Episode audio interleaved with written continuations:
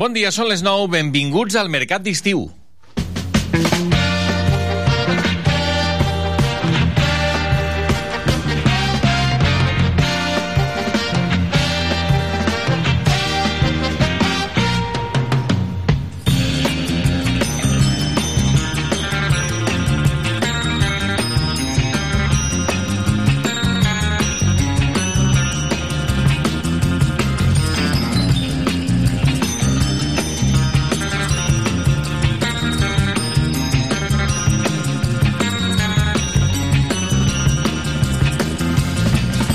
Tercer dia de la setmana, primer dimecres de mes, cinquè dia del mes de juliol. En fi, posem-li tots els números que vulgueu amb aquest eh, dimecres, amb 26 graus de temperatura a l'exterior dels nostres estudis, ha anat pujant amb les primeres hores del dia i ho seguirà fent més, tot i que avui sembla que les màximes s'aniran quedant una miqueta més curtes. Avui, amb aquest eh, dimecres, ara ho sentíem als butlletins informatius, en el que ja s'ha aprovat la retirada de la mascareta a les farmàcies, als centres sanitaris, a les residències sociosanitaris...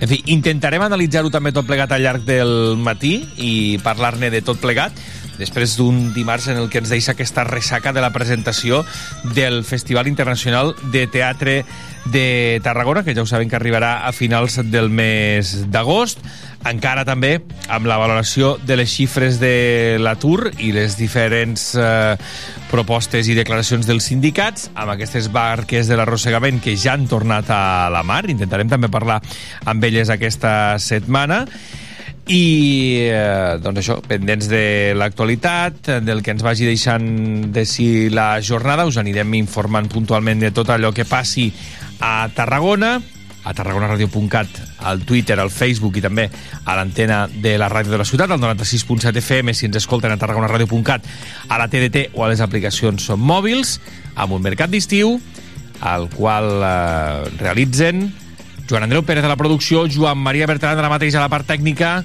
Núria Cartanyà, que arribarà més tard, i que us parla el Miguel González.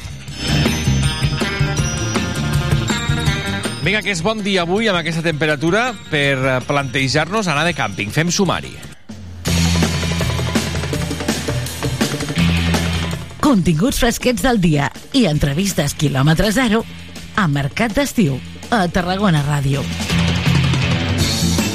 Dic el tema dels càmpings perquè de seguida saludarem Mireia Sanz, presidenta de l'Associació de Càmpings de la Costa Daurada i Terres de l'Ebre. Li volem preguntar per la previsió de cara a aquests mesos d'estiu, com ha anat l'inici de la temporada i quina situació general hi ha al sector, amb quines novetats arriben, amb quins uh, reptes i amb quina feina feta a les esquenes arriben els càmpings de la demarcació. Després uh, parlarem, uh, saludarem també al secretari de Treball d'Economia de Comissions Obreres a Catalunya, el Ricard Dellera li preguntarem per uh, les millores en les xifres de l'atur, millor xifra d'atur en 15 anys, i també uh, parlem de la reforma laboral, que asseguren que redueix la temporalitat i crea ocupació neta de qualitat. En parlarem amb uh, ells. Després analitzarem precisament la fi de la mascareta obligatòria a centres sanitaris, residències i farmàcies perquè entra en vigor aquest eh, dimecres després de que s'hagi aprovat al Consell de Ministres aquest eh, dimarts hagin aprovat la mesura. Ho volem analitzar tot plegat i saludarem la Gemma Flores, epidemiòloga de la xarxa social i sanitària de Santa Tecla. I a partir de dos quarts eh, de deu tindrem una àmplia conversa amb la gent de l'Agència Catalana de Consum, concretament amb l'Albert Melià, director de l'Agència Catalana de Consum. Volem parlar de diverses qüestions que ens afecten com a consumidors aquest estiu. Una d'elles, la que nosaltres hem volgut destacar també, és aquesta entrada en vigor també de la llei pel que fa a les trucades telefòniques. Sabeu aquelles trucades que en principi a partir d'ara ja no podem rebre eh, o no ens poden fer a segons quines hores de... Vaja, segons quines hores no. En principi no ens haurien de poder fer trucades comercials si nosaltres no hem donat el nostre consentiment express. Per tant, avui en parlarem del que podem fer davant d'això i com ha quedat aquesta situació. I volem parlar també de la marxa de tractors que aquest dimecres ha d'arribar a Madrid, amb Unió de Pagesos, que començava dilluns i que ha d'acabar avui davant del Ministeri d'Agricultura a Madrid per què? Doncs per reclamar a l'Estat que concreti com es repartiran les ajudes al sector que va aprovar el maig per fer front a la sequera. D'aquestes i altres qüestions en parlarem també amb el Pere Guinovar, coordinador d'Unió de Pagesos al Camp de Tarragona. I a partir de les 11, altres continguts al mercat d'estiu que ens portaran a parlar de, per exemple, per exemple, dels dies mundials, dels dies internacionals eh, d'avui, també d'aquest val de 100 euros, un val de 100 euros que han de rebre aquest estiu els alumnes de primària, l'han de rebre a casa els alumnes de primària, un val de 100 euros per comprar material escolar per al curs que ve, les famílies ho valoren també, avui en parlarem a la sintonia de Tarragona Ràdio, fins les 12, perquè avui canviem una miqueta els cromos. Alterem una mica els horaris. A les 12 arribarà mitja hora abans l'espai Tothom. Avui parlant amb els eh, companys de la Federació Catalana del Voluntariat Social i també del Banc dels Aliments, ens visitaran, també de l'ONG Colam, i a les 12 i mitja, dos quarts d'una, arribarà l'espai a fons. Per què hem avançat aquests continguts? Doncs perquè a la una del migdia ens anem cap a la punta del miracle amb la companya Sílvia Garcia, i és que els focs artificials seran els protagonistes de la 31a edició del concurs internacional Ciutats de Tarragona.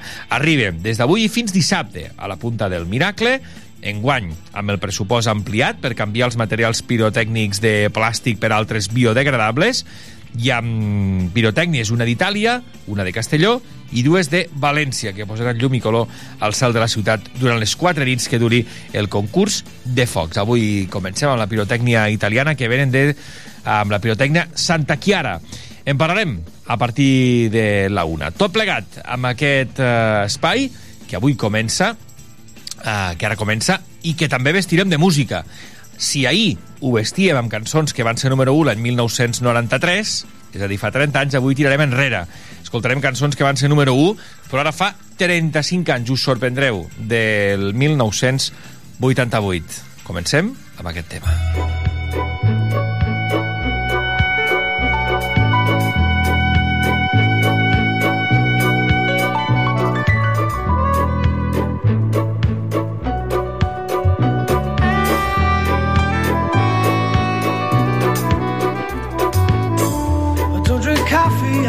Tea, my dear.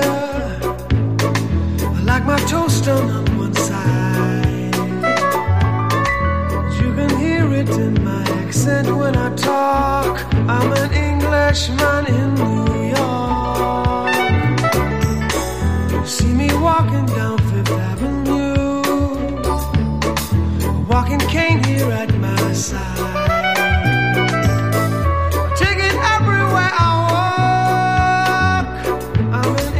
Man.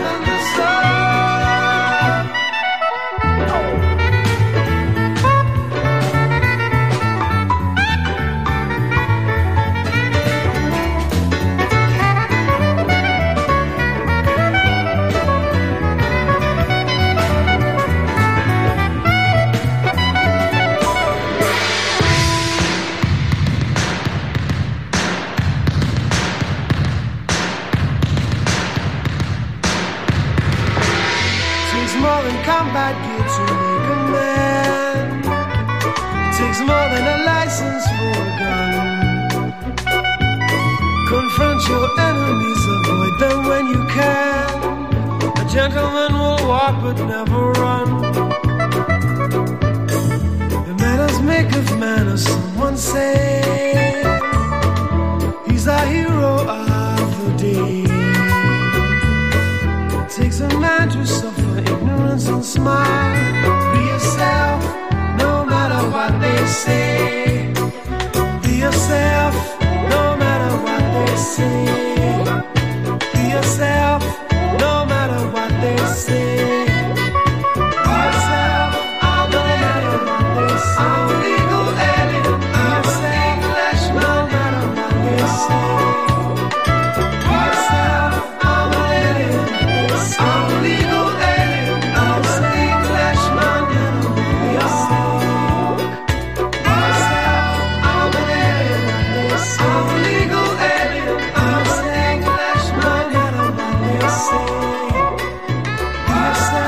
Mercat d'estiu. Tarragona Ràdio. Moll de Costa, la Rambla de la Cultura a la vora del mar. Vine i passeja per l'eix de la cultura, del lleure i de l'esport al Port de Tarragona. Hi trobaràs museus, exposicions, teatre, activitats, espais per passejar i fer esport. Completa la teva visita amb un tas de la gastronomia marinera del Serrallo. Més informació a porttarragona.cat. Una alimentació sana, exercici físic i una bona assegurança mèdica. A MGC Mútua millorem cobertures i serveis per oferir la millor assegurança mèdica segons els professionals de la salut. MGC Mútua. Inverteix en salut. Informa't en el web mgc.es. ¿Te gusta lo nuevo de India Martínez? Disfrútalo en directo este 15 de julio en la Pobla de Mafumet. Escucha esta canción, estoy hablando de ti. Compra tu entrada por solo 20 euros en poblamafumet.covin.cat. Ay, a ver cómo te digo. Este 15 de julio tienes una cita con India Martínez en la Pobla de Si Mafumet. ella supiera, ¿Te lo vas a perder? noche baila conmigo. A la luz de los faros de un coche, con la luna de único testigo. Sí. Gaudeix d'un vespre musical sota les estrelles amb Marina Rossell en format sinfònic, acompanyada per la Franz Schubert Filharmonia. Un concert on repassarem les seves cançons més estimades i emblemàtiques el dissabte 22 de juliol al Camp de Marc de Tarragona. Entrades a la venda a entrades.tarragona.cat i franzschubertfil.com.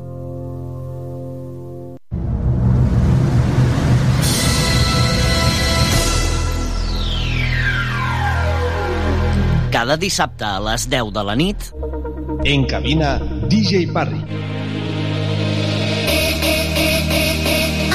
DJ Parry, el DJ resident de Tarragona Ràdio, t'ofereix la millor selecció musical perquè et montis la festa allà on vulguis. Els darrers èxits musicals els trobaràs a Tarragona Ràdio, cada dissabte a les 10 de la nit i amb DJ Parry. Prova-ho i repetiràs. And we spend it all day. Welcome to Central Bay.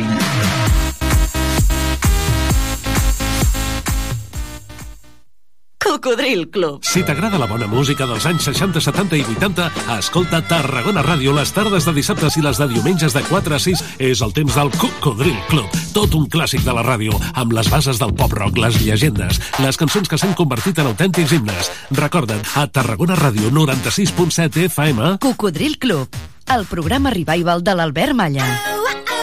Hasta luego, cocodrilo. No pasaste de caimán. Hasta luego, cocodrilo.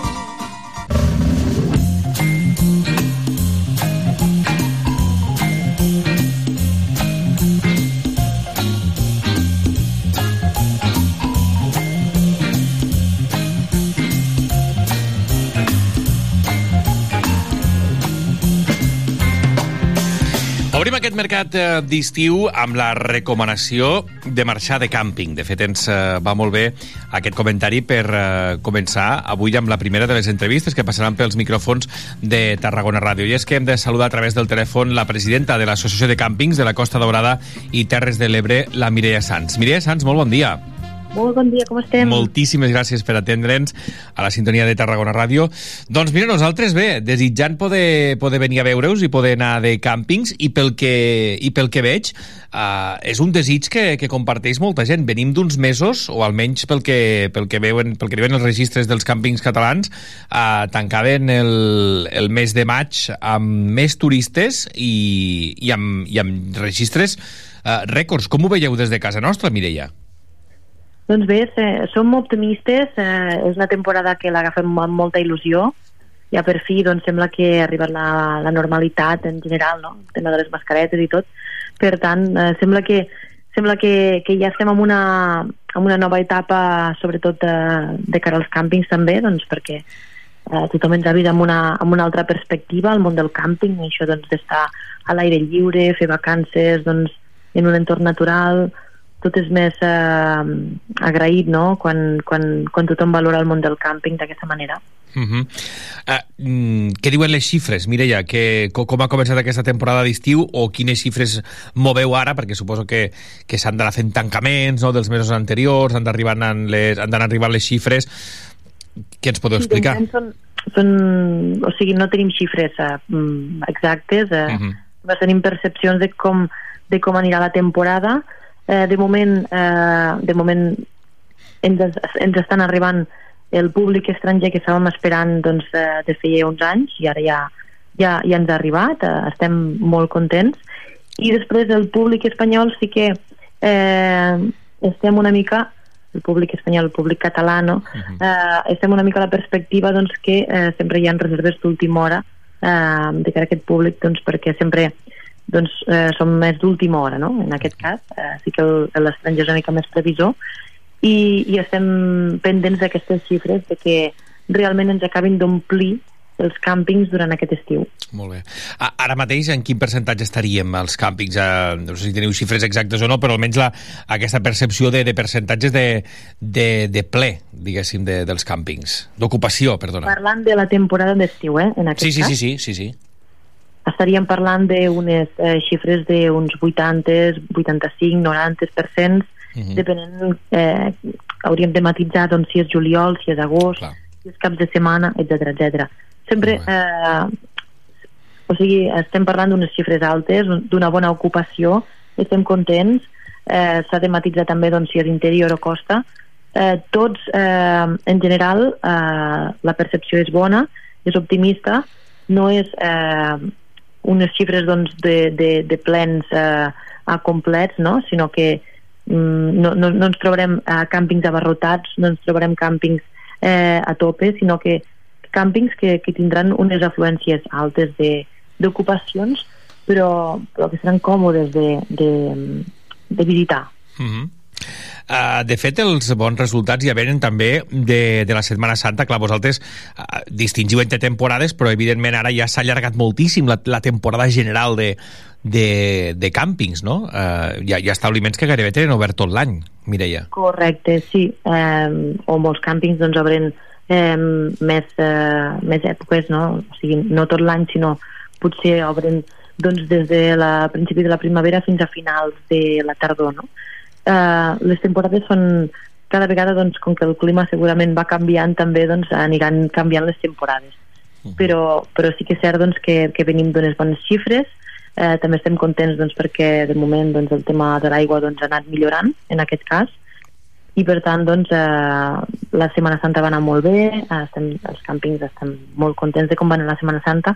Les xifres van ser espectaculars doncs, d'uns 85, 90, 95% eh, vam estar molt contents i ara a l'estiu doncs, es preveu també unes xifres molt similars de la Setmana Santa i d'altres estius Mira, pel que fa a la procedència també de clients, em deies que el client de l'Estat potser li costa una mica més, va a darrera hora, i el, client, i el client eh, estranger, que potser és una miqueta més previsor, quins mercats us arriben als, als càmpings? Doncs ara ens està arribant molt el mercat irlandès, per exemple. Eh, és un mercat doncs, que, que està bastant consolidat ja. Eh, L'holandès és el mercat per excel·lència també, és un mercat doncs, que, que li encanta visitar les nostres costes, eh, també la muntanya. Eh, és un, un públic molt fidel als nostres, eh, als nostres càmpings i el mercat francès. El mercat francès també és un mercat molt, molt consolidat i que, i que sempre ens visita i no, i no ens falla. Mercat francès, que, que potser ve amb, ve amb l'AVE, no? Tenen potser més facilitat en aquest sentit de, de transport, fins i tot, no? I amb el seu propi cotxe. També. El francès amb el seu propi cotxe normalment, sí, sí, sí. Mm -hmm. Fantàstic. I al client d'aquí li costa una mica més, eh? Dius, som Bé, de, més, doncs, més de eh, darrera hora. Hi ha, hi ha diferents factors que fa que, que aquest any costi una miqueta més, segurament, sobretot el tema doncs, de les hipoteques, l'augment de preus, augment de, de subministres i de, i de, i de, i de despeses, diguéssim, comunes, que fa que, que també baixi una miqueta eh, el poder adquisitiu en general de totes les nostres butxaques. Per tant, eh, potser ha reduït una miqueta més dies, potser està esperant una mica doncs, que, que, que, que s'acabi de sortir pues, alguna altra oferta o el que sigui, però el fet és que el públic eh, més de proximitat, el públic de casa nostra, eh, n'estem segurs que, que, que acabarà eh, reservant els nostres càmpings perquè no ens ha fallat mai tampoc. Mm. I, I clients de la, de la pròpia demarcació, és a dir, més propers a casa nostra, Mireia? Sí, sí, sí, sí, o sigui, aquest client és el, és el de proximitat el més fidel i el més de i el, i el més proper que ens ve a visitar, a fer l'escapada, sobretot eh, ara aquests dies de cap de setmana, a, a, a remullar-se, a fer activitats, a, a visitar els nostres càmpings, aquest client és el que és el que acaba d'omplir els nostres bungalous i les nostres parcel·les. Mm -hmm. Parlaves ara també d'aquest augment de preus eh, i d'aquest, eh, doncs això, aquestes eh, pujades de les quals hem anat parlant tot l'any. Això ha afectat enguany les, les tarifes, els preus dels càmpings? per suposat, eh, nosaltres hem hagut de reinventar-nos i, i de i de, de refer els nostres preus d'acord amb, amb els nostres proveïdors i amb els preus que, que tots tenim, no? Vull dir, no ens hem d'actualitzar, si no, doncs, eh, òbviament, no surten els números, però, però sempre ha sigut un augment moderat eh, dintre de les possibilitats. Suposo que venia un càmping no és per estar-s'hi només un dia ni dos, evidentment hem d'estar-hi més temps, i, i entenc que les pernoctacions es mantenen en aquest sentit, la llargada de les, de les pernoctacions als càmpings de mitjana, Mireia. Sí, eh, és, és una observació molt bona la que has fet, de que eh, un dia i, un, i, i dos dies no tens... Eh, No tens temps ni d'arribar, que, que, no tens temps ni pràcticament. d'omplir la nevera del bungalou, se pot dir, no? Eh, necessites uns dies més per a, per a poder fer totes les activitats que, que, que tenim d'oferta als nostres càmpings, de poder utilitzar totes les instal·lacions que tenim preparadíssimes i, i, i noves, no? Perquè eh, cada càmping està fent novetats doncs, de, de diferents instal·lacions, etc i també doncs, de, de descobrir l'entorn. O sigui, necessites com a mínim pues, 4, 5 o, o fins i tot una setmaneta no? per, a, per, a, per a disfrutar ben, ben disfrutat d'un càmping necessites una setmana. I és que el tema de les instal·lacions i de les activitats del càmping també ha estat un repte, una tasca que ho ha assolit en els darrers anys importantíssima i molt interessant. Parla'ns també de les, de les novetats o de les tendències pel que fa a instal·lacions i activitats, és a dir, coses que potser fa Uh, no sé, 5, 10 anys vista, posem-li 10, 10, 15 anys vista en un càmping potser no, no, no estàvem tan acostumats, no eren, no eren tan habituals, i, i ara sí, pel que fa a instal·lacions, comoditats o fins i tot activitats, no? hi, ha, hi ha animació, hi ha lleure, hi ha restauració, hi ha comoditats eh, que, que, que també les tenim als càmpings, Mireia. Correcte. Bé, doncs eh, sí que fa molts anys doncs, que ja pensem en els nens i que, i que les activitats doncs, són molt enfocades als nostres eh, fills i filles que, que s'ho passin bé i tot, però també ara pues, la tendència és pensar en els pares i mares i amb els eh, que no són pares i mares, òbviament, que, que tenen ganes doncs, d'anar de càmping i cuidar-se, no? per tant, que fan activitats doncs, molt pensades doncs, en, en, la, en la cura del, i manteniment de, de la forma física, en, en també doncs, amb, amb, amb com cuidar l'alimentació, en diferents activitats doncs, eh, de, de, de mindfulness i de, i de pensar doncs, una mica en desconnectar de la rutina i, i realment eh, arribar com nous a casa. Uh -huh. I... Aquest és l'objectiu. Molt bé. I, I on hi ha marge de, de millora? És a dir, on s'hauria de- d'incidir o, de, o de treballar a nivell de serveis i a nivell d'instal·lacions? Sobretot cap a mm, l'ecologia. Sigui, Ecologia. el nostre objectiu... Fer més, co- càmpings més sostenibles, no? I més... I més... Na- Totalment, els nostres càmpings ja eh, treballen moltíssim cap a això, però mai, mai es pot eh, parar en aquest sentit, no? Sempre hem de- hem d'anar millorant i, i vinga, doncs, si podem anar ficant més energia, energies renovables perquè puguem ser més sostenibles, eh, millorar la nostra eh, manera de com eh, reciclar tots els productes i tots, tots podem millorar en aquest sentit, tot i que ja hi fem un gran esforç. Uh -huh. Aquesta és la situació pel que fa als càmpings amb bones eh, sensacions eh, pel que fa a l'estiu. Per tant, Mireia, per acabar, entenc que optimistes de cara a com vagi la temporada i, i a veure què, i sobretot també m'imagino que pendents del temps, perquè clar, això acaba afectant molt, no?, amb aquests episodis que ara tenim doncs de, de, de, de, de canvis extrems, em refereixo, no?, que igual estàs amb calor al matí i a la tarda et ve una ruixada forta i, i t'espatlla el dia. Bueno, tampoc espatlla, perquè al final... Tenim, tenim opcions, no? Sí, hi ha tantes opcions d'interior, d'exterior, de... Mira, doncs ara fem aquesta activitat perquè, com que està plovent, doncs fem aquesta activitat d'aquí, doncs veure, veure una mica eh, el costat positiu de tot, no? Si cau pluja, doncs ens rega tots els arbres i tots els camps de futbol i, i també refresca l'ambient, no? I, I si fa sol, doncs vinga, va, doncs tots anem a la platja o anem a la piscina o anem a fer una excursió a la muntanya. Molt bé. Eh, a tot se li pot buscar. Quan estàs de vacances, qualsevol climatologia per mi és bona. Doncs Mireia Sans, moltíssimes gràcies per acompanyar-nos i per atendre'ns i que vagi molt bé l'estiu als càmpings de la demarcació. Moltes gràcies. Esteu tots convidats a conèixer-nos. Bon dia. Bon dia.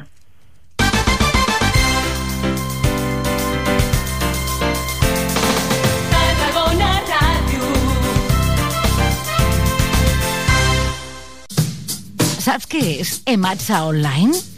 És la manera més fàcil, còmoda i eficient de gestionar el teu subministrament d'aigua.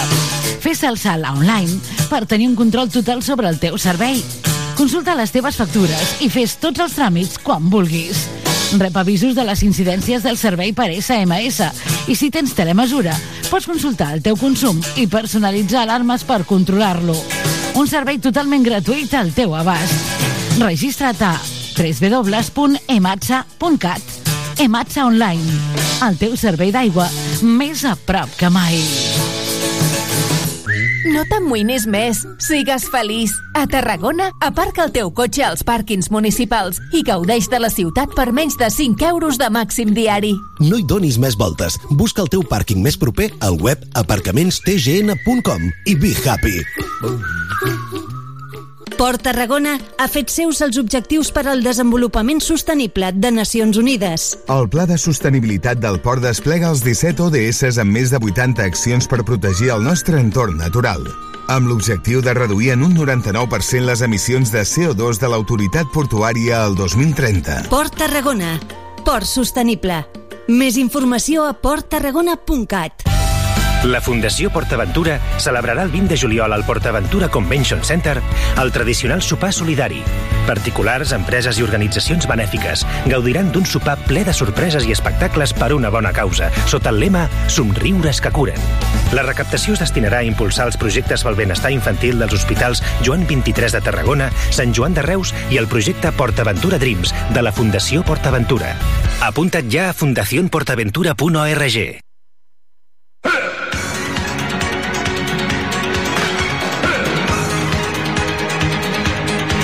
Mercat d'estiu. Entrevistes fresques i de quilòmetre zero a Tarragona Ràdio. Es un huracán profesional que viene y va buscando acción, vendiendo solo amor. Tino Casal amb el seu Eloís també era número 1 l'any 1988 i avui aprofitem per recordar-ho al Mercat d'Estiu a la sintonia de Tarragona Ràdio.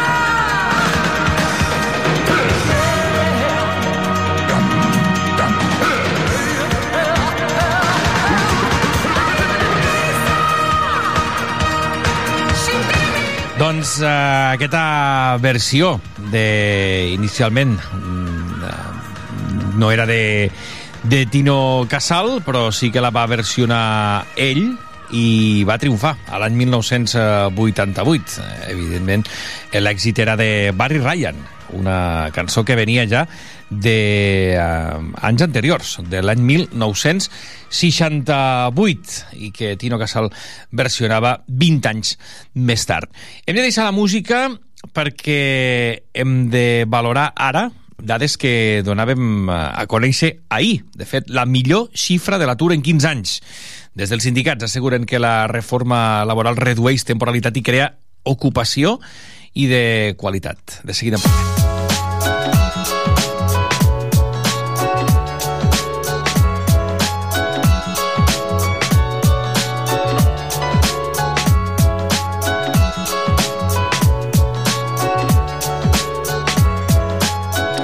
Saludem a través del telèfon al secretari de Treball i d'Economia de Comissions Obreres a Catalunya, Ricard Bellera. Molt bon dia. Molt bon dia. Moltíssimes gràcies per atendre'ns. Senyor Bellera, eh, els sindicats celebraven el rècord eh, d'afiliacions del juny i parlaven de dades positives. Sí, són dades positives en dos sentits. En primer lloc, el volum de l'ocupació, aquesta, aquest increment no? en gairebé 100.000 persones afiliades no? a la Seguretat Social en, en un any, que indica que es continua generant ocupació i, per tant, per, per la part diguem-ne del volum, de la quantitat, eh, està funcionant molt bé, però també per part de la qualitat, perquè ahir en coneixíem les dades també de temporalitat, de la contractació i aquestes ens diuen que si fa dos anys, justament abans de la reforma laboral, eh, al juny de l'any 2021, de cada 100 contractes que es van signar, 86 i mig en eren contractes temporals, al juny de l'any 2023, dos anys després i un any i mig després de de la introducció de la reforma laboral, de cada 100 contractes, tan sols 54,8 han sigut contractes temporals. Per tant, hi ha una reducció en la, en la temporalitat i hi ha una millora també en, la, en el nombre de persones ocupades. Eh, és interessant que faci aquesta diferenciació perquè a vegades les eh, dades ens poden portar a, a confusió o evidentment les xifres doncs, eh, eh, poden poden interpretar-se de diferents, eh, de diferents maneres, no? però en aquest cas sí que estaríem parlant de, de dades eh, bones, com dèiem, rècord d'afiliacions, caiguda de l'atur fins a xifres eh, fins, la, fins a xifra més baixa del 2008, aquest mes de Mhm. juny. Per tant, si això eh, ho unim al que vostè comentava, doncs ens dona l'explicació del per què, no? A més, amb, Sí. amb, amb bona qualitat i a, a banda de la bona quantitat, no? Totalment, això que dius eh, és, una, és una qüestió que no és, no és menor. Eh, en- vivim en un país que al llarg dels darrers 40 anys ens han dit que o teníem ocupació o teníem, o teníem temporalitat, no? O sigui, eh, vull dir, perdona, ho dic malament, eh, ens, eh, deien que per crear ocupació s'havia de crear ocupació precària, no? Que era impossible crear ocupació i al mateix temps que fos ocupació de qualitat, no? Per primera vegada en 40 anys, doncs fa un any i mig que les dades ens diuen claríssimament que és perfectament possible millorar l'ocupació en el seu volum i al mateix temps també millorar l'ocupació en la seva qualitat. I això realment és una cosa que no és, no és gratuïta, és una cosa molt important perquè això comporta no solament més certesa per les persones treballadores, sinó que a més a més comporta també més ingressos per la cotització social i això vol dir també més seguretat i més estabilitat per les persones eh, que depenen de, a nivell de renda, com poden ser els pensionistes o els que reben una prestació o un, subsidi, no? Uh -huh. uh, expliqueu que són dades que avalen la reforma, la reforma laboral, no? Uh, com, com ho relacionem tot plegat? Bueno, la reforma laboral el que fa és bàsicament eh, introduir no, eh, una, una sèrie de modificacions que posen límit a aquesta temporalitat. Llavors, eh, el que hem tingut és, ho veiem també mitjançant les enquestes de població activa que es publiquen trimestralment i que ara les noves dades les coneixerem a finals de juliol, però també ens confirmaran que aquí bàsicament és un canvi estructural en el mercat de treball d'una temporalitat, d'un ajust eh, d'un model que bàsicament aposta per la mà d'obra intensiva, no? competir amb baixos preus, a un model que cada vegada més aposta per la qualificació. Avui estudien dades, no me'n recordo ara quin diari, que llegia aquest matí, que parlaven que hi ha un 25% de la- de l'ocupació ja és ocupació, ocupació qualificada. D'això es tracta, es tracta de tenir un model productiu al nostre país que sigui un model competitiu, que garanteixi bons salaris i que garanteixi bones feines a les persones. La temporalitat havia estat un greu problema, no? La temporalitat érem, érem, érem, teníem el rècord a nivell europeu. és que és una cosa que s'oblida massa aviat. A veure, nosaltres, el, el que és evident és que, és que també ara hi ha molt debat sobre els fixes discontinus d'això. Ara nosaltres tenim un model productiu que té, diguem-ne, puntes de producció en l'àmbit dels serveis, perquè bàsicament som un país turístic i per tant tenim una estacionalitat molt marcada, no? Llavors, eh, podem, eh, cal eliminar el- la, la, la contractació dels serveis? No, el que cal és eh, generar un, uns serveis de més valor afegit, no? Es tracta de tenir millor ocupació en el sector serveis. I fins i tot això, amb els fixos discontinus que nosaltres defensem, que és la fórmula d'intentar donar estabilitat a una contractació no? molt estacional, doncs fins i tot aquí també estem aconseguint assolir doncs, un nou model. No? Abans, què és el que es feia? Doncs es contractava al juny o al maig i s'acomiadava al setembre o octubre. Bueno, ara que tenim és una miqueta més seguretat perquè es fan cada vegada més, són uns contractes fixos discontinus que ara nosaltres, des del servei d'ocupació i des d'altres àmbits, hem d'aconseguir que tinguin també, mm, que encabir-los, diguem-ne, amb mesures de qualificació, mesures d'ocupació que permetin també en aquest, aquests companys i companyes que treballen en el sector serveis tenir també més qualitat, no? Aquest és el gran repte que tenim al davant a nivell de país. Mira, ara anava a preguntar de reptes perquè, eh, clar, eh, a vegades també a, a l'estiu no, ja, ja ens havien ja ens tenien acostumats doncs, a, a veure dades eh, en alguns casos millors. No sé com veieu el futur, si, si ho encareu també a, amb optimisme, tenim ara també doncs això, eh, un, estiu per endavant i després què? bueno, les, Ningú té la bola de vidre, eh, això ja ho sé. Aquest estiu a nivell de- a nivell d'ocupació pensem que serà un estiu millor que no pas altres, perquè aquest estiu tindrem que molta gent que treballarà doncs, treballarà ja amb contractes eh, indefinits, per tant, eh, les dades ens diuen que és bon estiu, el problema que tenim és, és, és per un costat la sequera, que farà que sigui un estiu doncs, per molta gent no, que viu a camp o molta gent no, que, té, que depèn no, del consum d'aigua, doncs, um, doncs, pot ser un estiu més, més complexa, però eh, que també té, com sempre, el, el tema de l'estacionalitat. Com resolvem el tema de l'estacionalitat? Bueno, doncs, vosaltres a, a Tarragona doncs, eh, teniu, no? Doncs, hi ha un, un model productiu que per un costat és industrial, que dona, dona més estabilitat, per altre costat té, diguem-ne, també doncs, una forta oferta turística, que és la que és, diguem-ne, més estacional. Què és el que passa? Que nosaltres podríem fer més llargues aquestes estacions, o podem oferir un servei turístic, un, un, un producte turístic que, que funcioni tot l'any, no?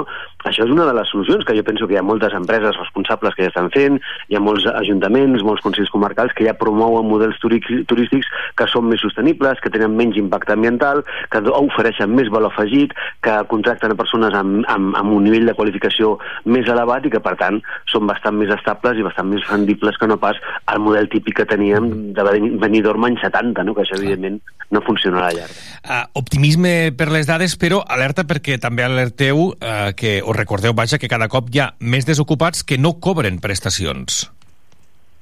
Bueno, tenim, a veure, al, al nivell de la cobertura eh, estem millor que, que l'any passat. O sigui, la cobertura vol dir a quines les persones que estan desocupades cobren una prestació o subsidi.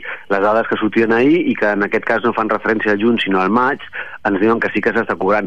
Què és el que passa? Que nosaltres on tenim un problema real és, en primer lloc, que tot i que tinguem les millors dades de- d'atur, és que no, no podem oblidar que tenim, tenim 329.000 persones que estan reclamant el seu dret eh, a una ocupació a, a Catalunya. Llavors, cadascuna d'aquestes històries és una història d'incertesa, és una història de precarietat, és una història d'espera que li donguin allò que els hi correspon, que és el seu dret a treballar i tenir una feina just una feina digna, no?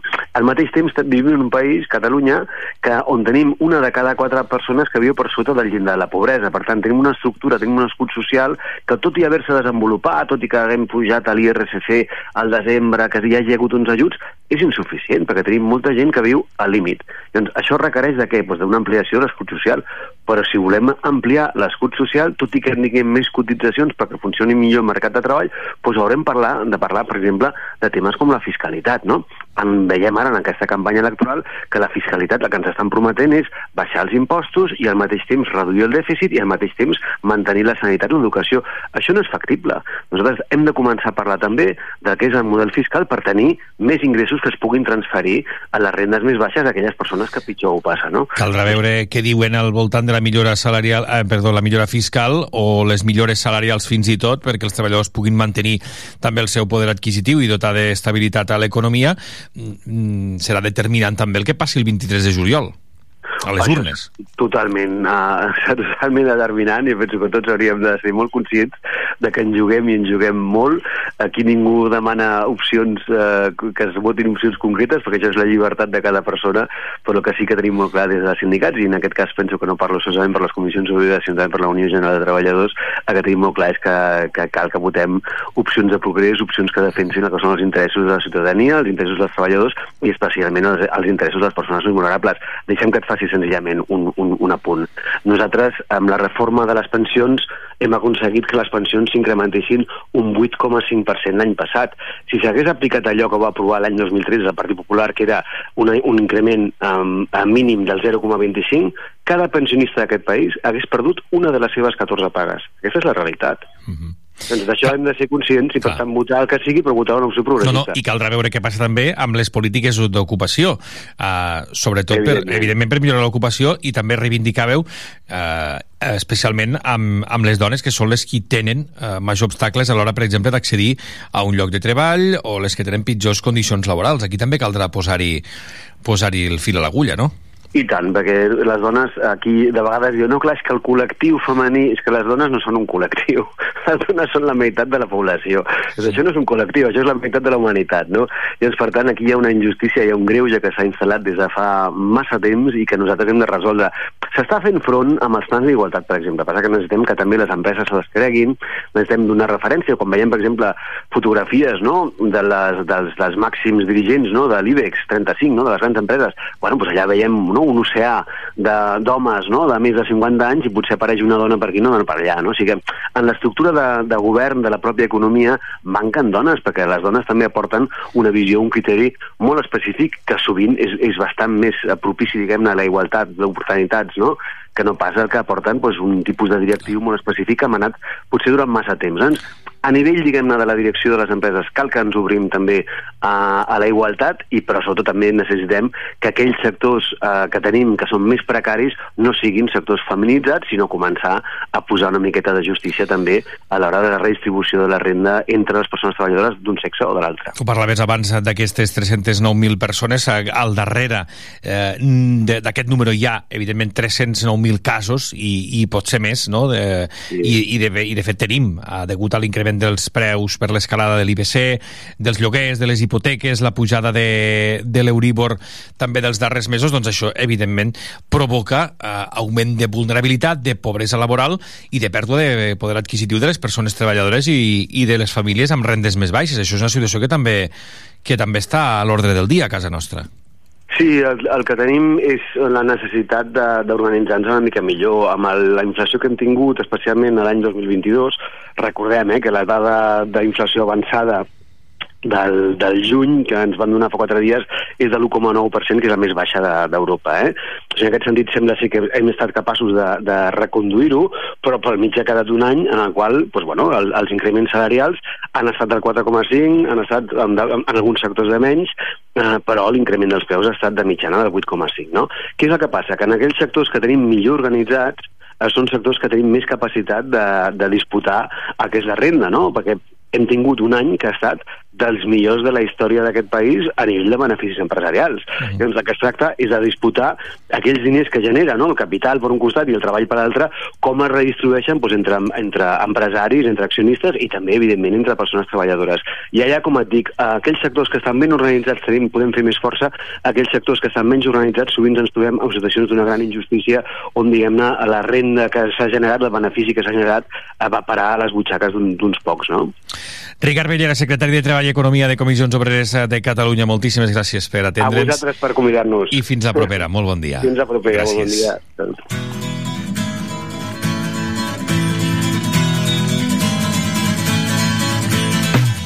Una calle de París no es tan solo oro lo que allí perdí. Una apuesta al corazón. Nunca juegues si solo queda honor. Y ahora hay una habitación con un cuadro y un colchón. Una calle de París. Su recuerdo, todo lo que conseguí.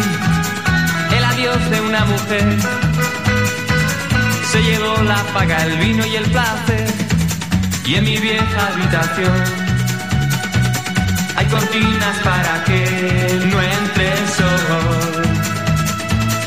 Entre el. La noche se llevó los cuadros, la cordura y la fe. Y nunca más se vio salir ningún color de mi pincel. El cuadro que pinté con tu sonrisa y nunca acabé. Quedó en la habitación más se. Una calle de París me recuerda todo aquello que no fui. El final de una ilusión. En la noche en que París se estremeció y ahora hay una habitación con un cuadro y un colchón. Una calle de París, su recuerdo, todo lo que conseguí. De una mujer se llevó la paga, el vino y el placer. Y en mi vieja habitación hay cortinas para que no entre el sol no entre el sol, no entre el sol, no entre el sol.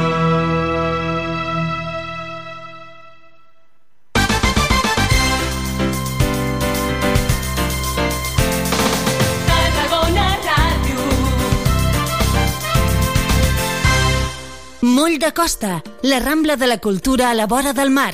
Vine i passeja per l'eix de la cultura, del lleure i de l'esport al Port de Tarragona. Hi trobaràs museus, exposicions, teatre, activitats, espais per passejar i fer esport. Completa la teva visita amb un tas de la gastronomia marinera del Serrallo. Més informació a porttarragona.cat. No t'amoïnis més. Sigues feliç. A Tarragona, aparca el teu cotxe als pàrquings municipals i gaudeix de la ciutat per menys de 5 euros de màxim diari. No hi donis més voltes. Busca el teu pàrquing més proper al web aparcamentstgn.com i be happy.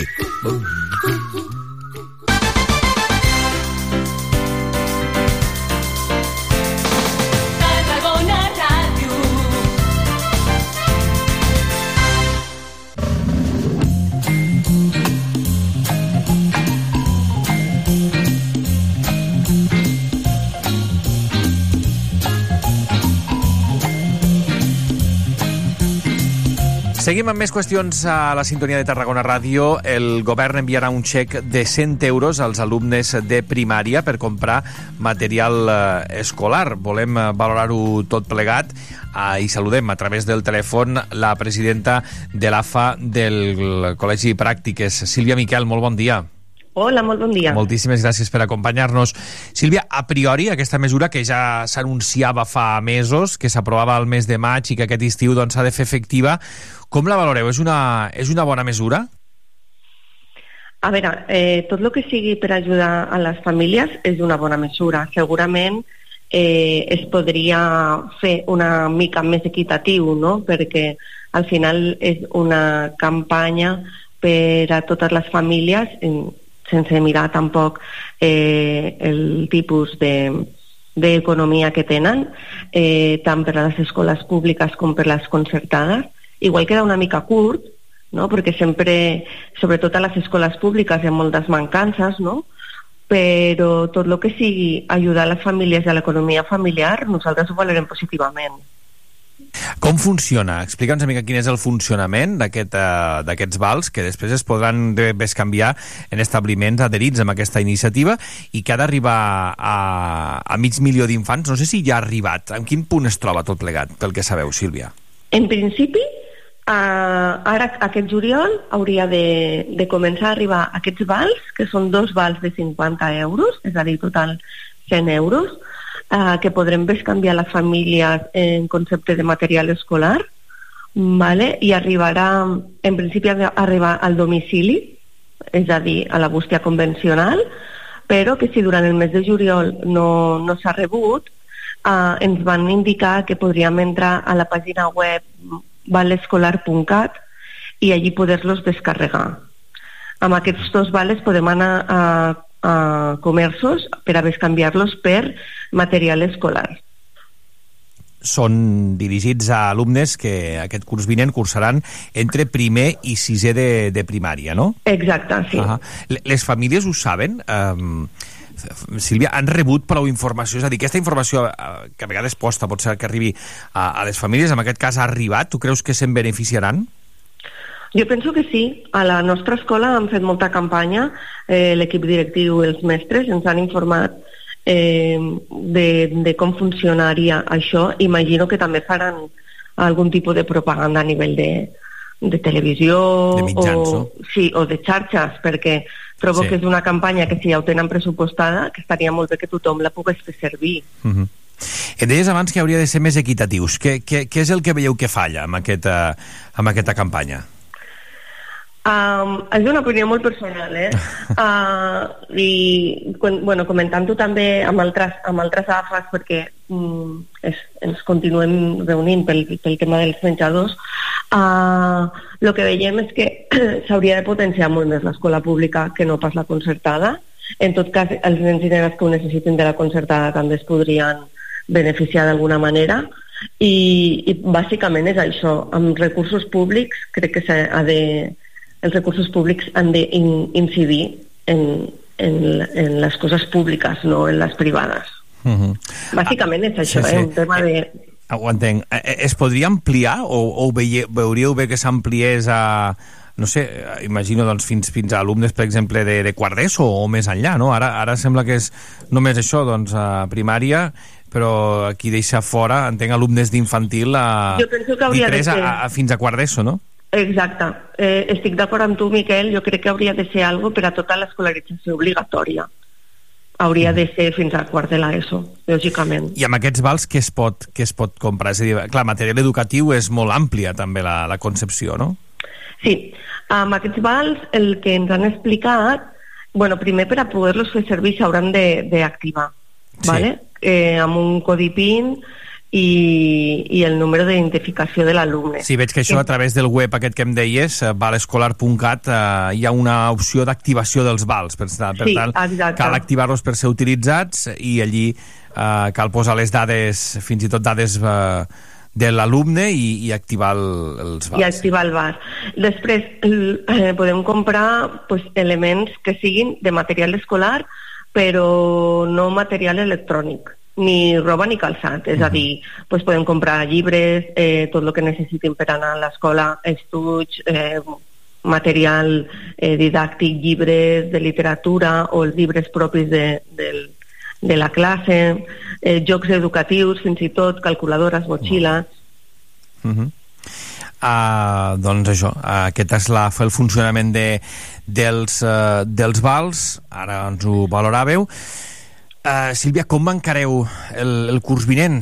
Ja que et tinc aquí, amb quines preocupacions, amb quins, uh, amb quins reptes? Com s'ha tancat aquest curs 2022-2023 i com preveieu que iniciï el 2023-2024? N'hem parlat amb tu en diverses ocasions, per Sí. tant sabem que hi ha diversos fronts oberts.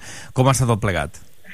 Doncs mira, nosaltres eh, sí que hem tancat el curs, però no l'hem tancat del tot, Uh -huh. perquè encara estem amb, amb el tema de, dels menjadors escolars, eh, amb el Consell. Comarcal del, del Tarragonès, que justament la setmana passada ja ens va enviar un, eh, el conveni i ara estem dins dels 10 dies per a presentar les al·legacions i ja són moltes escoles les que el, hem presentat les al·legacions que creiem eh, per a per a esmenar aquest conveni i, i clar, durant aquest estiu estarem a l'espera de veure com queda tot això i realment és una de les preocupacions d'aquestes aquestes escoles públiques de Tarragona que estem en aquesta situació és una de les preocupacions màximes de cara encara al curs vinent, no? Saber com quedarà tot el tema de, dels menjadors. No ho sabeu encara, eh? vull dir, ara, ara No, no. heu vist el conveni, però heu presentat al·legacions perquè suposo que hi ha punts en els quals no esteu d'acord.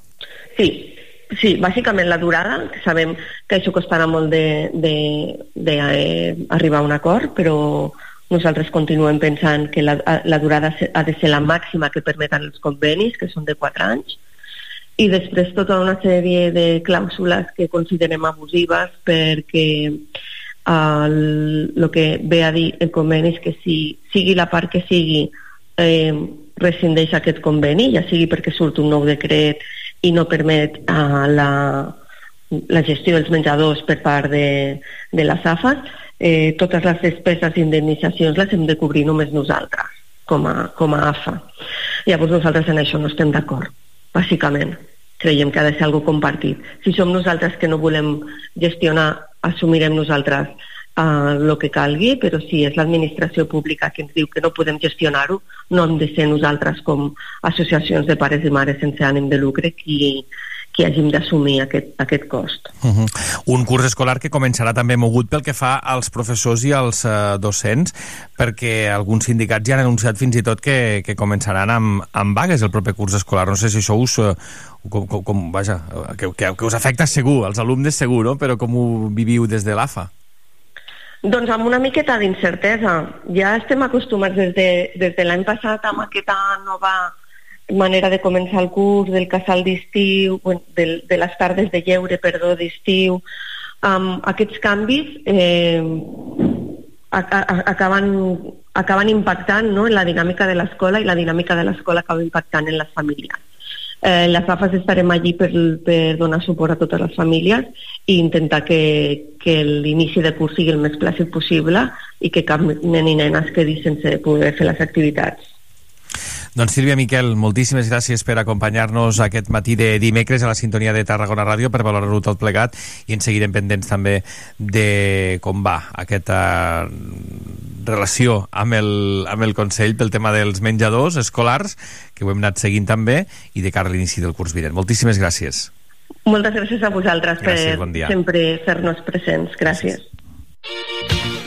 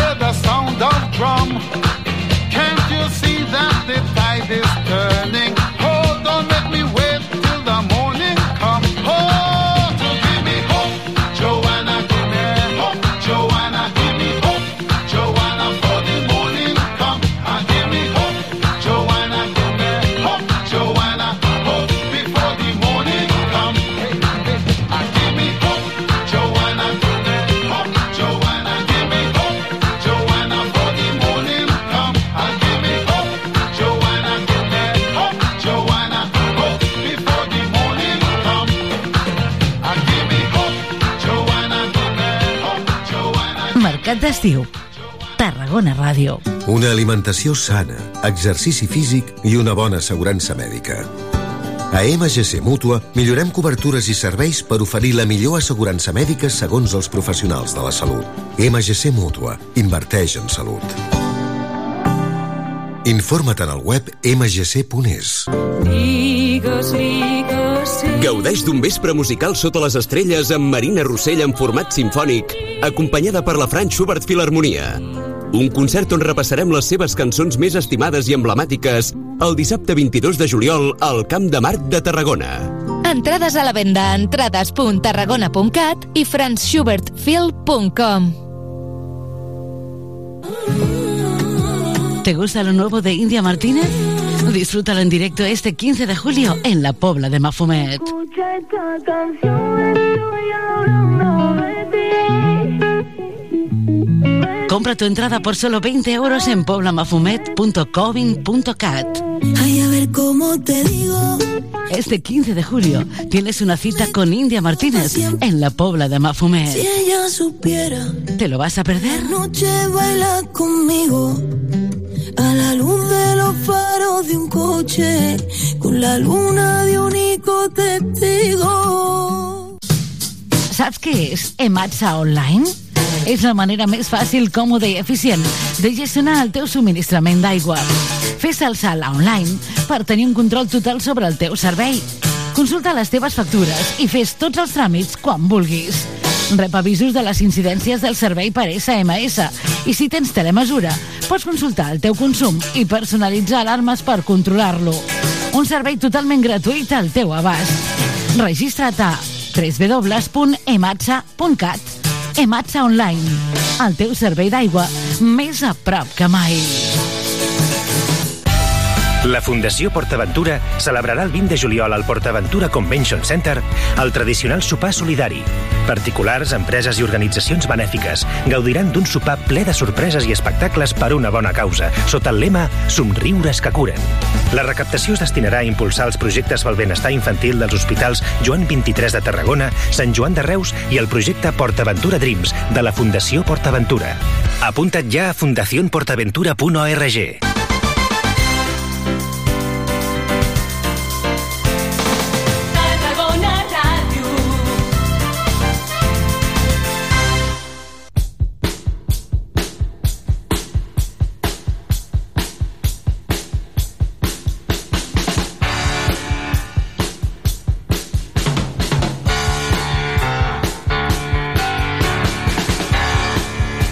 10 del matí, gairebé 7 minuts, amb 27 graus de temperatura ja a l'exterior dels nostres estudis i amb la voluntat de continuar des d'ara i fins a dos quarts d'una del migdia, com a mínim, amb la Fons amb el Joan Andreu Pérez, que arribarà a dos quarts d'una, i després l'especial del concurs internacional de Focs, que arribarà a la una amb la companya Sílvia Garcia i també amb un servidor. Ara és moment de parlar de la fi de la mascareta, la fi de la mascareta obligatòria a centres sanitaris, a residències i a farmàcies que entra en vigor aquest eh, dimecres, és tres anys després d'aquesta mesura. Saludem Gemma Flores, és epidemiòloga de la xarxa social i sanitària de Santa Tecla. Gemma Flores, molt bon dia. Hola, bon dia. Moltíssimes gràcies per atendre'ns. Gemma, era una mesura esperada, la, la retirada, la fi de la mascareta obligatòria, també als centres sanitaris? Sí, era una mesura que ja estàvem esperant. De fet, l'obligatorietat d'aquesta mascareta era una mesura excepcional que es va posar, era una mesura extraordinària que es va posar davant d'una situació extraordinària com era una crisi sanitària. Eh, En el moment que les mesures, aquesta situació i els escenaris van anar canviant-se, el virus cada vegada era menys virulent degut a les mutacions que anàvem tenint, a la cobertura vacunal de la població, al disposar tractaments eh, preventius, aquest escenari feia preveure que també hi hauria un canvi d'aquesta obligatorietat de la, de la mascareta. Es fa una situació, una mesura extraordinària davant de situacions extraordinàries. Mhm. Clar, a situacions extraordinàries i ara la veritat és que ja ens ho explicaven també els eh, professionals i els responsables de les oficines de farmàcia, als quals també després escoltarem, que també era una mesura esperada amb candeletes i, i que els mateixos usuaris eh, dels, dels centres dels equipaments ho demanaven. No sé si, si aquí a vosaltres us passa igual. Ens les demanaven usuaris, ens la demanaven alguns I professionals. professionals també, clar. També, clar, perquè ells entenien que davant en determinades situacions sí que han d'utilitzar la mascareta, però si, per exemple, estaven en un despatx els professionals sanitaris, sense cap pacient al davant i dues persones no vulnerables em deien clar, si jo després me'n vaig amb aquesta mateixa persona a prendre un cafè fora, després no porto mascareta, no entenien que els mateixos actors en diferents escenaris havien de fer un ús o no de la mascareta. Per tant, entenc que els professionals també celebren uh, aquesta mesura, no? que el BOE publicava avui mateix la fi de l'emergència sanitària i eliminar l'obligatorietat de la mascareta als centres sanitaris, uh, s'aprovava ahir i es publicava avui a primera hora, poc després de, de les 8, a un quart de nou aproximadament, es publicava el BOE, per tant entenc que els professionals també ho celebren, Gemma. Sí, també ho celebren, també estàvem esperant aquesta mesura i creiem que aquestes mesures, aquestes mesures de precaució s'han d'utilitzar en els moments més precisos i en els que podem tenir més impacte, si no ens desgastem tots Clar. davant d'aquestes recomanacions en situacions que no tenen ja una eficàcia aprovada. Eh, el que és cert, eh, Gemma, ara mirant enrere, és que, clar, la, la mascareta ens ha protegit també durant, durant aquests tres anys, eh, a banda de la pandèmia de la, de la Covid-19, no? Eh, S'ha mostrat efectiva per molts virus eh, i moltes qüestions respiratòries, no? Totalment, sí, sí, la mascareta, el que hem après tots és que la mascareta és una eina útil, una, masca, eh, una eina útil i ju- juntament amb la higiene de mans, que no és una intervenció costosa ni complicada i que, eh, que t'ajuda a prevenir les malalties infeccioses. És per això que els, paci- els pacients o les persones que tinguin sintomatologia respiratòria se'ls recomana utilitzar aquestes mascaretes quan vagin a compartir els espais comuns quan estiguin en un centre sanitari. Eh, també els professionals sanitaris que tinguin sintomatologia respiratòria han de portar aquesta mascareta, encara que no estiguin amb, um, compartint, eh, quan, encara que no estiguin en actes directes amb els pacients per protegir els companys també. És a dir, que hem, de, hem adquirit una cultura de l'ús de la mascareta que no l'hem d'oblidar, Mm. perquè s'han salvat moltes vides. Eh, és cert que el, potser aquí a casa nostra no estàvem tan acostumats i després sí que és veritat que hem vist que en altres països sí que ja estaven més avesats a, a portar la mascareta, no? Sí, era un tema cultural. Hi havia cultures, cultures asiàtiques que ells en el moment que tenen una malaltia respiratòria per protegir el seu entorn, per protegir els altres, es posen una mascareta i això nosaltres no ho teníem adquirit. Esperem que aquesta cultura eh, eh, l'hagi integrat la societat, l'hagi integrat la població i en el moment que la gent tingui símptomes faci ús de les mascaretes per protegir els pacients més vulnerables, bàsicament. Uh -huh. Uh, una notícia, doncs, com dèiem, esperada, que entra en vigor ja avui. Clar, és poc fa, fa poques hores que ha entrat en vigor, poquetes hores, dues hores que ha entrat en vigor aquesta mesura, però avui la imatge a l'hospital deu, ser, deu ser ben diferent, Gemma. Sí, és ben diferent. Bueno, des de la primera hora del matí ja he rebut moltes trucades preguntant què havien de fer i perquè bueno, la, la gent après a ser com molt eh, rigorosa en el moment que donem el ok, vale, ja ens podem treure les mascaretes ja aquest matí ja tenia moltes trucades que fem? I com ens comencem a retirar les mascaretes. Nosaltres ja feia dies que teníem preparat un email eh, explicatiu però volíem veure què posava el BOE quina era la lletra petita i quines eren les excepcions que ens anaven a plantejar. Uh -huh. uh, ara passa a ser una recomanació, és a dir, no és que qui, qui, qui vulgui la pot continuar portant, és a dir, es continua recomanant, no? No és obligatòria, però es recomana. Sí, és com to, mm, pràcticament totes les mesures preventives que tenim, la vacunació, Sí. són eh, recomanacions, no són obligacions. I això no vol dir que, que deixi de ser obligació que no sigui eficaç, és que continua sent eficaç, malgrat Mhm. que no sigui obligatori. Quines excep- de No, digues, digues. hem No, no, no, digues, no, digues. hem d'apel·lar amb, hem d'apel·lar del- amb el sentit comú de cada una, cada una de les persones. Nosaltres hem de passar pel nostre sedàs quan utilitzarem o no aquesta, aquesta mascareta. Quines excepcions hi ha, Gemma? Bé, les excepcions que hem publicat i les que estem recomanant és que qualsevol persona simptomàtica de- s'ha d'utilitzar la, la mascareta en persones eh, simptomàtiques quan estan en espais compartits dins dels centres, per experts, eh, pels professionals que tenen, atenen aquests casos simptomàtics i a les persones que treballen a les unitats de, amb pacients vulnerables, les UCIs, eh, en pacients d'oncologia, en, aquells, en aquelles plantes de pacients més vulnerables i després en les urgències dels centres eh, hospitalaris i els centres d'atenció primària, incloses les sales d'espera. Uh -huh. Ho deia abans, si mirem enrere, Gemma, han estat tres anys molt complicats, eh? Uh, des d'aquell 2020 on es declarava la, la pandèmia. Què, què, què mires tu, o què veus tu ja a nivell ja a nivell mm, professional i personal no? d'aquests anys des de, des de la xarxa, tu com a epidemiòloga? Bé, han sigut anys amb molts reptes, amb molts aprenentatges. Hem, hem après que som molt vulnerables davant d'un virus, que hem d'estar preparats davant d'una emergència i que no estàvem suficientment espera, eh, preparats. El BOE també recull aquestes mesures d'enfortir la vigilància de les malalties respiratòries, d'enfortir els sistemes de salut pública, que eren molt, molt febles. I també doncs, tenir estocs eh, de reserves estratègiques sanitàries perquè el que una de les coses que ens vam trobar en un moment determinat és que no podíem accedir a la, als recursos que necessitàvem perquè doncs, tota la, la xarxa de distribució global doncs, va caure juntament amb, amb aquesta pandèmia. A la xarxa heu estat al costat també de, de la pandèmia dels, eh, dels ciutadans, ajudant a diversos protocols, com en Setmana Santa, també amb el fet casteller. De tot n'hem après, no, Gemma?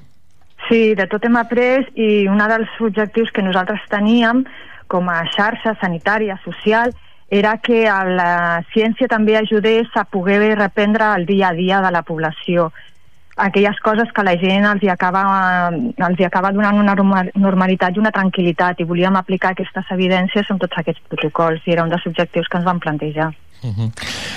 I que hagi passat aquesta pandèmia, que n'haguem après, ens pot ajudar a prevenir i a, i a estar més a la guait de, de possibles malalties, de possibles qüestions que puguin, que puguin venir. No sé si a l'estiu hem d'estar més a la guait d'algun punt, en aquest sentit, Gemma. Bé, el, a la UAI la vigilància l'hem de tenir sempre i hem d'aprendre que no podem minimitzar aquests riscos i que, que en qualsevol moment pot tornar a aparèixer una altra pandèmia i nosaltres hem d'estar preparats i hem de fer vigilància continuada per lo que hem d'estar suficientment preparats per a, per a aquestes noves situacions. I ens pot ajudar també aquesta situació a, a, a mitigar o a prevenir o a tractar millor doncs, qüestions que potser ens afectaven abans de la pandèmia. No sé, ara em ve al cap, per exemple, el tema de les al·lèrgies respiratòries, que, que també són molt freqüents, no? sobretot a la primavera, però també a, a l'estiu. les al·lèrgies respiratòries i el que sí que hem observat i que ja s'havia descrit en altres pandèmies, com per exemple la pandèmia de la grip, és que quan acaba una pandèmia hi ha una reemergència d'algunes malalties que en principi tenien incidències més baixes, com per exemple la tuberculosi. Hem passat un hivern dur amb el virus respiratori sincitial, eh, bé, això són el, el patró epidemiològic de la població ha canviat perquè també van, va canviar els comportaments de la població, estem tenint més brots de sarna, i llavors davant d'aquest canvi del panorama epidemiològic doncs nosaltres eh, encara tenim molta feina per davant. Uh -huh. uh, ja que tinc aquí, parla'ns una mica de la vostra feina com a, com a epidemiòlegs, de la teva feina com a, com a epidemiòloga també a la, a la unitat corresponent al, a la xarxa Santa Tecla. Gemma. Bé, nosaltres ara mateix tenim al damunt de la taula els reptes de, de veure què ha passat amb tota aquesta pandèmia i aquestes malalties que en, eren, tenien una incidència més baixa i han, i han començat a incrementar. També tenim el repte damunt de la taula de tot el tema de les resistències als antimicrobians. És la pandèmia silenciosa que tenim i, i les previsions que estan donant no són massa favorables, per lo que estem fent una vigilància intervencions a nivell dels microorganismes multiresistents per evitar aquesta transmissió i també fer molta detecció de lo que són les malalties i les infeccions nosocomials i intentar prevenir doncs, aquesta transmissió de les malalties nosocomials. eh, segur, tothom està molt alegre, nosaltres ens fa una mica de respecte treure la mascareta perquè mm. sempre ap- et porta un risc més de poder transmetre una infecció. més Clar, una cosa és el que volen eh, usuaris professionals també a nivell de comoditat, l'altra cosa és que hi hagi... És a dir, que vosaltres, entre cometes i en termes, estigueu- una miqueta més restis, reticents, o no reticents, però sí més a la white, no?, de que això Sí. no pugui portar... Clar, ara ningú pensa ja en rebrots i coses d'aquestes, però, però els vam tenir.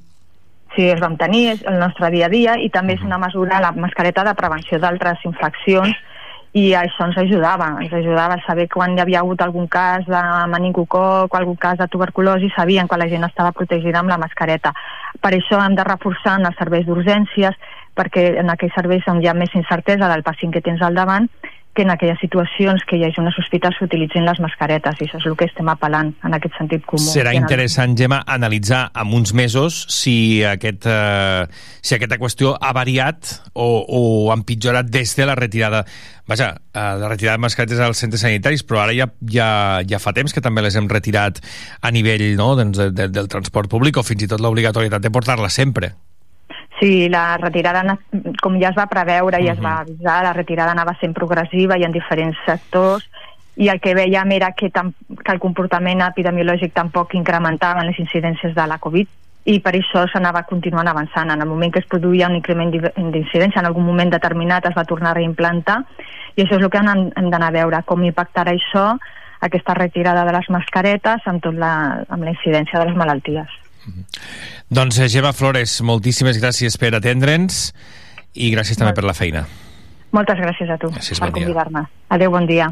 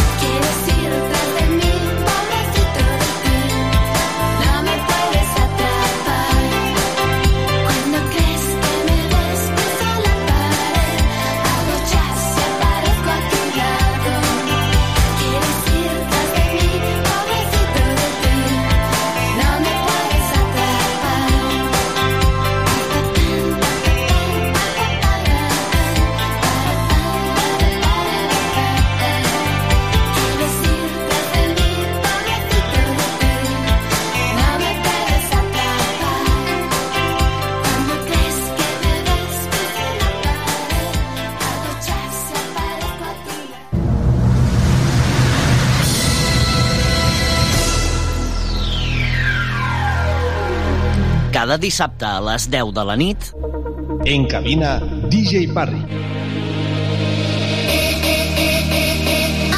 DJ Parry, el DJ resident de Tarragona Ràdio, t'ofereix la millor selecció musical perquè et montis la festa allà on vulguis. Els darrers èxits musicals els trobaràs a Tarragona Ràdio, cada dissabte a les 10 de la nit i amb DJ Parry. Prova-ho i repetiràs. And we spend it all day. Welcome to Sancho Bay.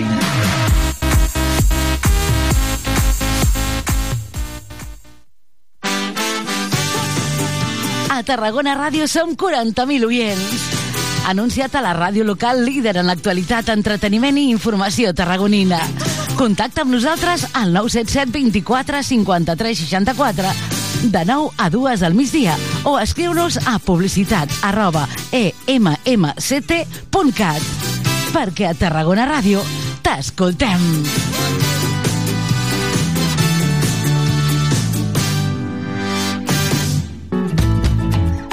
Fans de Tarragona. Amb Sílvia Garcia, de 6 a 7 de la tarda. De dilluns a divendres, una hora per la música de casa. Fans de Tarragona a Tarragona Ràdio.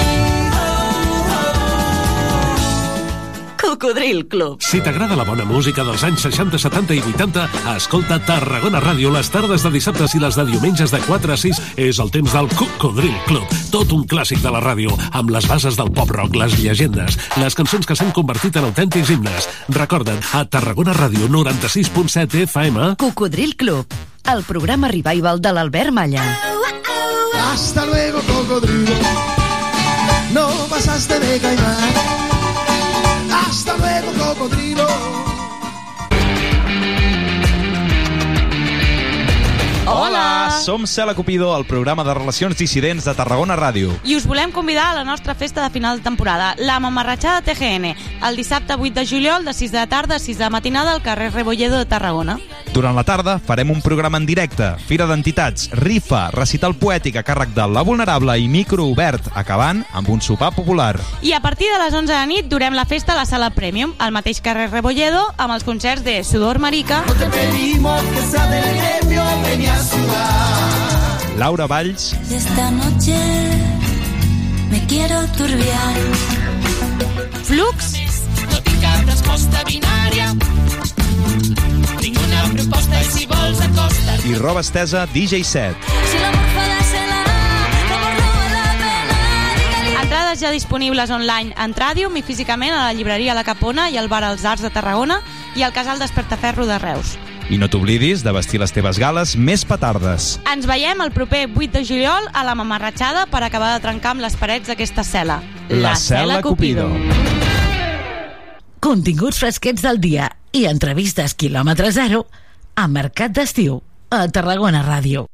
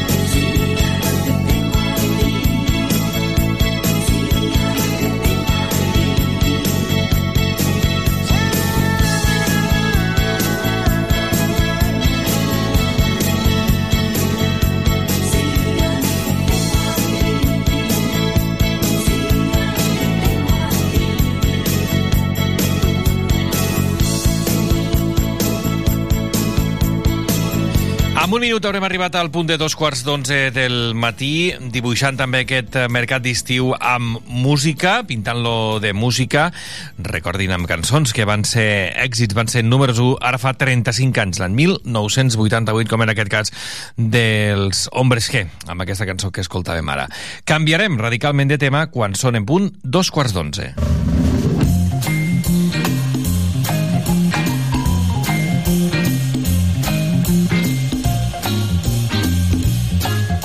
I és que l'època estival coincideix amb un augment de la contractació de serveis relacionats amb les vacances, amb els viatges i, per tant, també són més habituals les incidències relacionades amb els transports o amb els allotjaments turístics, per exemple, però també amb d'altres qüestions. En aquest sentit, l'Agència Catalana de Consum ofereix informació, assessorament a les persones consumidores pel que fa als seus drets i davant de qualsevol dubte, de qualsevol controvèrsia, ofereix mecanismes extrajudicials, voluntaris, gratuïts, com la mediació o l'arbitratge de consum, per acabar resolent-los o per ajudar a resoldre'ns. En els propers minuts en parlarem de tot plegat amb el director de l'Agència Catalana de Consum, Albert Melià. Senyor Melià, molt bon dia.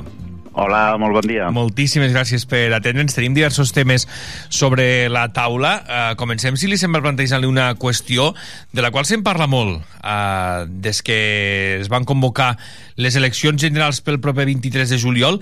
Quin seria el primer pas a fer si ens notifiquen o ens han notificat que som membres d'una mesa electoral i resulta que teníem contractats ja serveis relacionats, per exemple, amb un viatge que, que, que coincideix amb aquest 23 de, de juliol, que estem de vacances, que estem fora, que hem de marxar de viatge.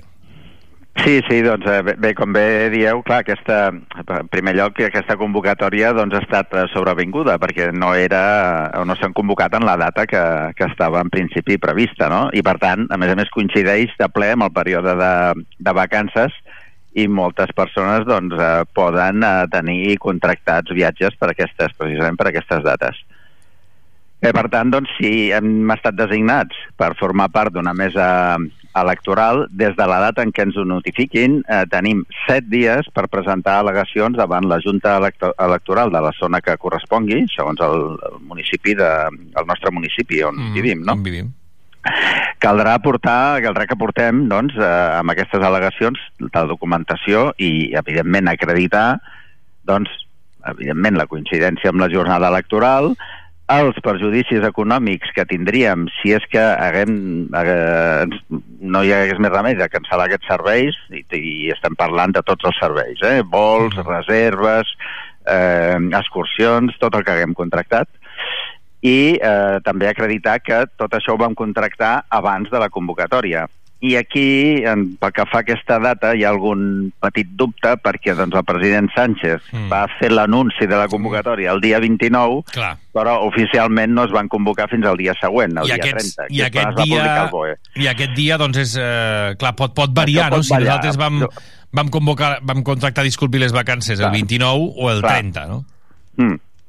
Clar, Però aquí en tot cas, tenir. el que és important dir és que això ho portem a la nostra junta, eh, junta de zona, que és la que valorarà individualment les, les circumstàncies de cada cas. Val? Per tant, el més important perquè ens acceptin les uh, al·legacions serà que tot estigui degudament justificat, apuntat, documentat amb, amb informació escrita, amb documents, no?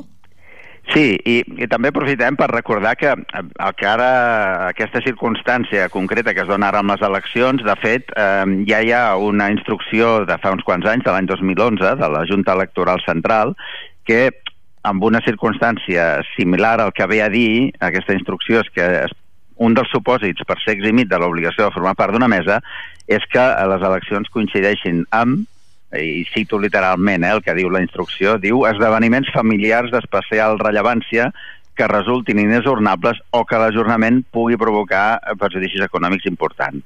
Uh -huh. Importants. Clar, en aquest cas, eh, com que hi ha eh, aquesta excepcionalitat de la, de la convocatòria electoral, la Junta Electoral ha aclarit que, excepcionalment, les juntes electorals de zona han de valorar individualment els casos de les persones que es trobin en aquesta, eh, en aquesta circumstància i sobretot, sobretot el que han de valorar és que la cancel·lació dels serveis que tinguin contractats els generi efectivament un perjudici econòmic o eh, un trastorn eh, greu, no? Yeah.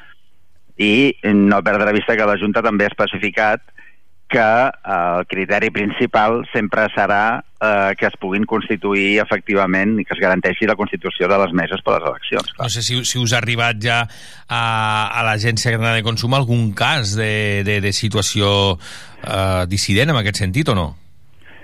No, de totes formes jo diria que encara seria, Encara és aviat, seria eh? una mica aviat perquè en el cas que s'hagi denegat i, clar, després hi hauria una altra, una altra via, diríem, que seria parlar amb les empreses o amb l'agència amb qui haguem contractat aquests viatges per si també ens poden fer algun tipus de, per exemple, de canvi de dates o alguna sí. cosa d'aquestes. Vale, això seria en el cas de que no ens admetin les Exacte. al·legacions, no? que ens contestin que, o que, que ens diguin que no. Clar, exacte. Aquí el que recomanem és a les persones que estiguin en aquesta, en aquesta situació és que eh, contactin amb l'empresa amb la qual s'hagi contractat els serveis per eh, avançar-li, per comunicar-li que hem estat eh, designats eh, membres de mesa i que hem presentat a les delegacions a la Junta Electoral per quedar-ne exempts i, per tant, poder fer el viatge, però que, clar, si finalment la Junta no admet les nostres al·legacions, aleshores sí que haurem de formalitzar la reclamació, com deia abans, a l'empresa, i aquí, com diem sempre, des de consum, eh, en qualsevol tipus de reclamació, sempre fer-ho per, per un mitjà que en quedi constància, ja sigui un formulari web, una trucada amb un número d'incidència, un correu electrònic, un full oficial de reclamació, sol·licitant el canvi de dates o el reemborsament eh, en forma d'aval o la devolució dels imports que haguem pagat. I si la resposta de l'empresa tampoc ens satisfà, senyor Melià? Doncs bé, aquí també eh, estem també amb, amb les, eh, la mateixa circumstància que estem en qualsevol reclamació eh, en l'àmbit del consum, que és que eh, aleshores podem contactar amb el servei públic de consum del nostre municipi, de la nostra comarca, o bé també directament omplir el formulari que tenim a la nostra pàgina web, eh, el formulari de reclamació, de la pàgina web de l'Agència Catalana del Consum, que és, eh, la nostra web és consum.gencat.cat i doncs, des dels organismes públics de consum, doncs, com sempre, s'intentarà resoldre la reclamació mitjançant la mediació o l'arbitratge, en el cas que l'empresa estigui adherida a l'arbitratge, que aprofito que, per recordar que són mecanismes de resolució extrajudicials, voluntaris i gratuïts. Mm -hmm. Senyor Maria, dèiem, dèiem a l'introducció d'aquesta conversa que ara molta gent doncs, es troba precisament en aquest punt no, de contractar viatges, de contractar uh, vacances. Quins consells ens donarien des de l'Agència Catalana de Consum a l'hora de contractar viatges o serveis precisament relacionats amb els viatges? Sí, bé, la veritat és que, de fet, sempre que ens acostem al període de vacances, doncs des de l'Agència Catalana de Consum doncs intentem eh, bueno, donem no, eh, reclamacions a través de, perdó, eh, eh, recomanacions, no reclamacions, perdó, recomanacions a tots els usuaris, a totes les persones que estan preparant doncs, les seves vacances, etc tant a través de la nostra web com a través de les xarxes. I el que recordem és que ens hem d'informar en aquest sentit molt i molt bé de tres aspectes fonamentals. En primer lloc, de quines són les característiques del servei que ens ofereixen les empreses amb les quals tenim intenció de contractar, amb tot el detall. Eh? I aquí hem de mirar amb, això, amb molt detall els horaris, els mitjans de transport, els possibles enllaços, la categoria dels hotels, si necessitarem un visat o un passaport per anar al lloc de destí, si hi ha algun requisit eh, sanitari especial al lloc on volem anar, etc. És a dir, tota aquesta informació eh, l'hem de mirar amb molt de detall. Mm. En segon lloc, també ens hem d'assegurar molt bé de quins són els serveis que estan inclosos en el preu eh, amb l'empresa amb la qual eh, anem a contractar. I aquí també hem de mirar doncs, si estan inclosos els bitllets d'avió, les taxes d'aeroport, si també hi ha els trasllats entre l'aeroport i l'hotel, quins àpats estan inclosos, si també hi ha excursions o altres serveis addicionals, etc. Molt bé. I el tercer aspecte clau és revisar especialment les condicions aplicables en el cas que finalment haguem de cancel·lar el viatge o algun dels serveis que volem eh, contractar.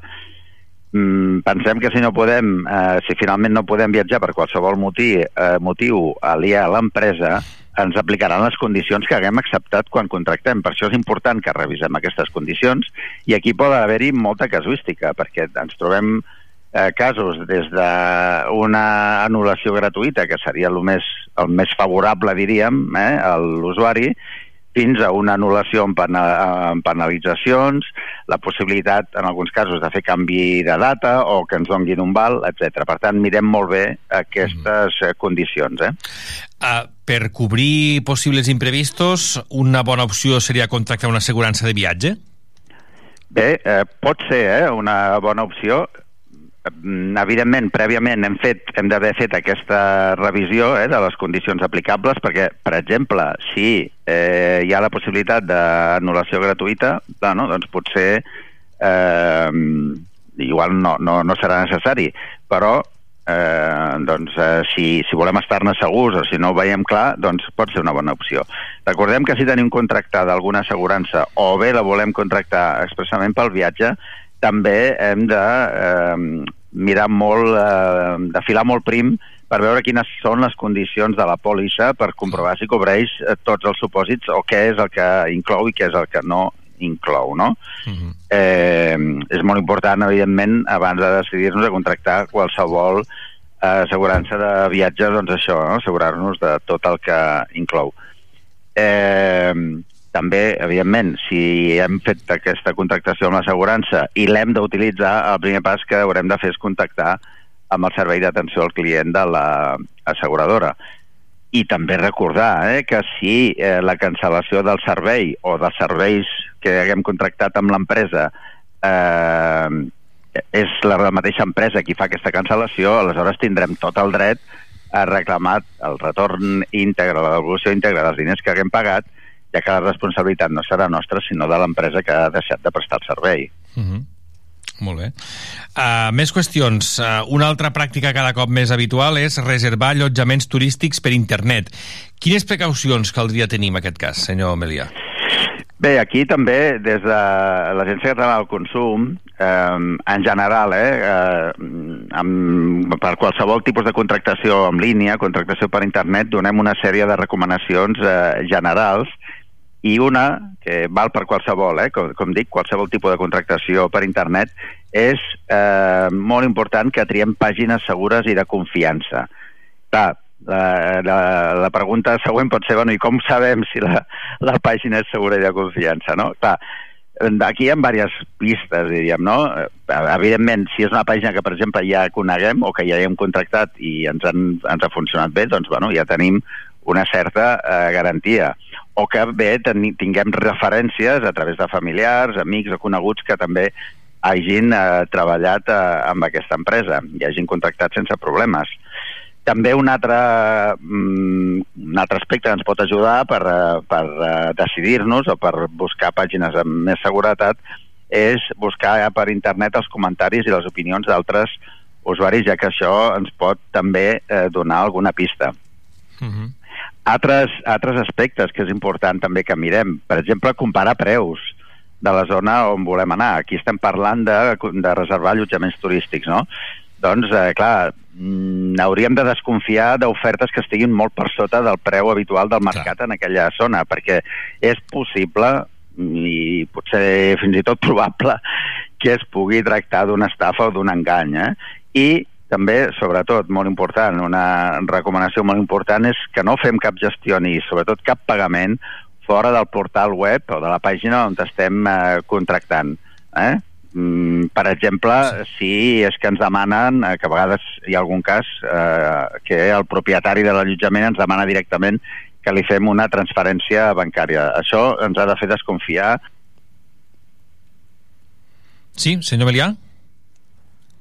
Doncs sembla que hem tingut eh, alguna incidència tècnica amb el telèfon. Estàvem parlant amb el senyor Albert Melià, director de l'Agència Catalana de Consum, que precisament ens estava donant consells eh, pel que fa a qüestions relacionades amb, amb l'estiu, eh, preguntat precisament per, eh, per aquestes reserves d'allotjament turístic per internet. Ens estava explicant que si ens demanen, per exemple, fer una transferència bancària, doncs eh, desconfiem perquè llavors estarem fora de la plataforma de la pàgina web on haguem vist on haguem eh, adquirit aquest servei o aquest allotjament turístic. Intentem recuperar de seguida la, la conversa allà on ens havíem quedat amb el director de l'Agència Catalana de Consum, el senyor Albert Melià, a veure si és possible recuperar aquesta trucada telefònica. De seguida ho intentem. Mercat d'estiu. Entrevistes fresques i de quilòmetre zero a Tarragona Ràdio.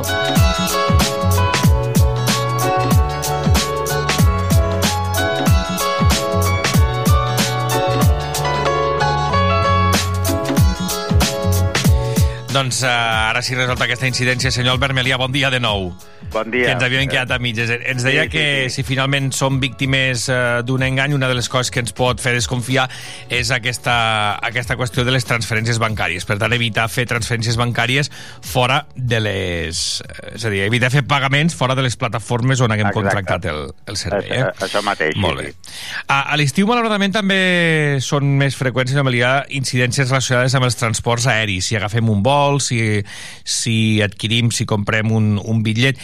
Quins, quina protecció tenim com a consumidors en aquest sentit? Bé, aquí eh, recordem també que, eh, per sort, eh, els ciutadans de tota la Unió Europea disposem d'una normativa, d'un reglament europeu de transport eh, aeri. Per tant, estem parlant d'una norma en rang de llei, d'una llei que és d'obligat compliment a tots els països de la Unió i que ens reconeix o, tot un seguit de drets si patim un retard, una cancel·lació o una denegació d'embarcament per sobre reserva, el que es coneix, eh, el famós overbooking, que, eh, bueno, que de fet és una excepció, però que és possible en el, en el transport aeri. Eh? Clar, si tenim malauradament la, la desgràcia no, de trobar-nos en alguna d'aquestes situacions, eh, és important que ens informem molt bé dels nostres drets en cada cas i actuem en conseqüència presentant la reclamació corresponent. També Mhm. aprofito per recordar que precisament en aquestes dates, que és quan la gent viatja més, des de l'Agència Catalana de Consum eh, mirem doncs, de recordar aquests drets a través de la nostra pàgina web, també de les xarxes socials, etc, perquè tothom n'estigui informat. Recordem que la reclamació s'ha de fer, en primer lloc, a la companyia aèria eh, en qüestió i sempre també per als canals que ens permetin conservar una prova, eh, ja sigui mitjançant eh, els fulls oficials de reclamació, un correu electrònic, un formulari web, etc. I també, com eh, sempre diem, eh, en qualsevol reclamació, si la resposta que ens dona la companyia no és satisfactòria o bé no ens donen cap resposta abans d'un mes, aleshores tenim a la nostra disposició els organismes públics de consum als quals ens podem adreçar per mirar de resoldre el cas o eh, també en aquí hi ha un altre organisme que és l'Agència Estatal de Seguretat Aèria que és l'organisme competent a nivell de l'Estat per fer complir aquest reglament que dèiem, aquesta normativa europea també es podria presentar la reclamació directament a, aquesta, a aquest organisme estatal. Molt bé. Senyor Melià, volem acabar amb una qüestió que també és d'actualitat. En principi, a, a partir d'ara, les trucades comercials que rebem s'haurien de reduir considerablement, ja que les empreses necessiten la nostra autorització per, per fer-les. En parlàvem perquè s'havia aprovat aquesta nova llei general de telecomunicacions des del passat 29 de juny. Com ha canviat, com han canviat les coses? Sí, sí, sí, bé, com, eh, com dieu, doncs, eh, d'acord amb el que preveu la, la llei, la, la llei general de, de telecomunicacions, eh, el 29 de juny passat doncs, va entrar en vigor eh, aquesta prohibició per tal doncs, que les empreses domiciliades a l'estat espanyol no puguin fer trucades amb finalitats comercials o de publicitat sense tenir el consentiment previ i express de la persona, del consumidor, de l'usuari, no? Recordem també que hi ha una excepció i és que aquesta la llei permet que les empreses amb les quals ja tenim contractat algun servei ens puguin fer trucades sempre que tinguin relació amb productes o serveis de la mateixa empresa i que siguin similars als que ja tenim contractats. Eh? També eh, ens podran fer trucades a aquelles empreses a les quals haguem donat el, el consentiment i per això és important recordar que hem de ser molt prudents a l'hora de facil, facilitar les nostres dades i consentir l'ús. Recordem en aquest sentit eh, també que clar, actualment amb, amb tanta informació i tantes eh, diguem qüestions que fem a través d'internet, a través del telèfon mòbil, amb tantes aplicacions, tant les xarxes socials, etc. Moltes vegades estem acceptant, estem consentint eh, coses sense mirar en detall Sí. eh, exactament què és el que estem Clar, acceptant. és allò de l'acceptar todo o acceptar-ho tot, no? D'acord amb mateix. tot, consentir i no, no sabem què estem consentint o què estem acceptant. Exactament. Eh?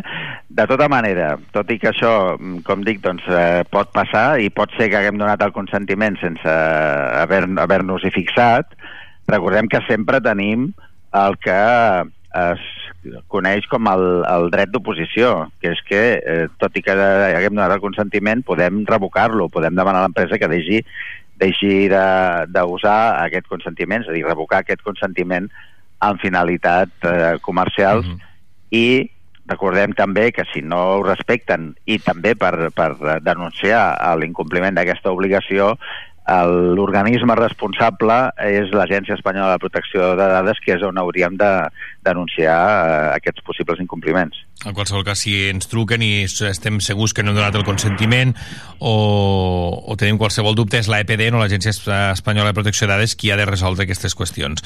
Doncs senyor Albert Merià, director de l'Agència Catalana de Consum, ha estat un plaer conversar amb vostè. Moltíssimes gràcies per tots aquests consells. Moltes gràcies a, a vosaltres. Gràcies, bon dia. Bon dia.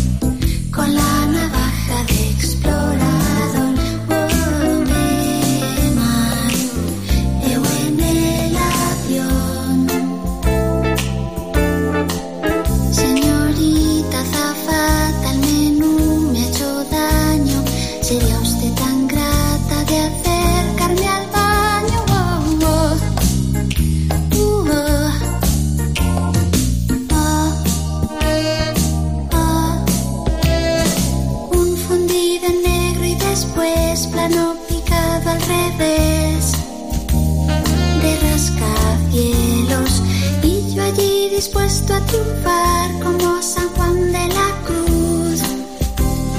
En el Carmelo mi primera desilusión los problemas de comunicación. Más de dos millones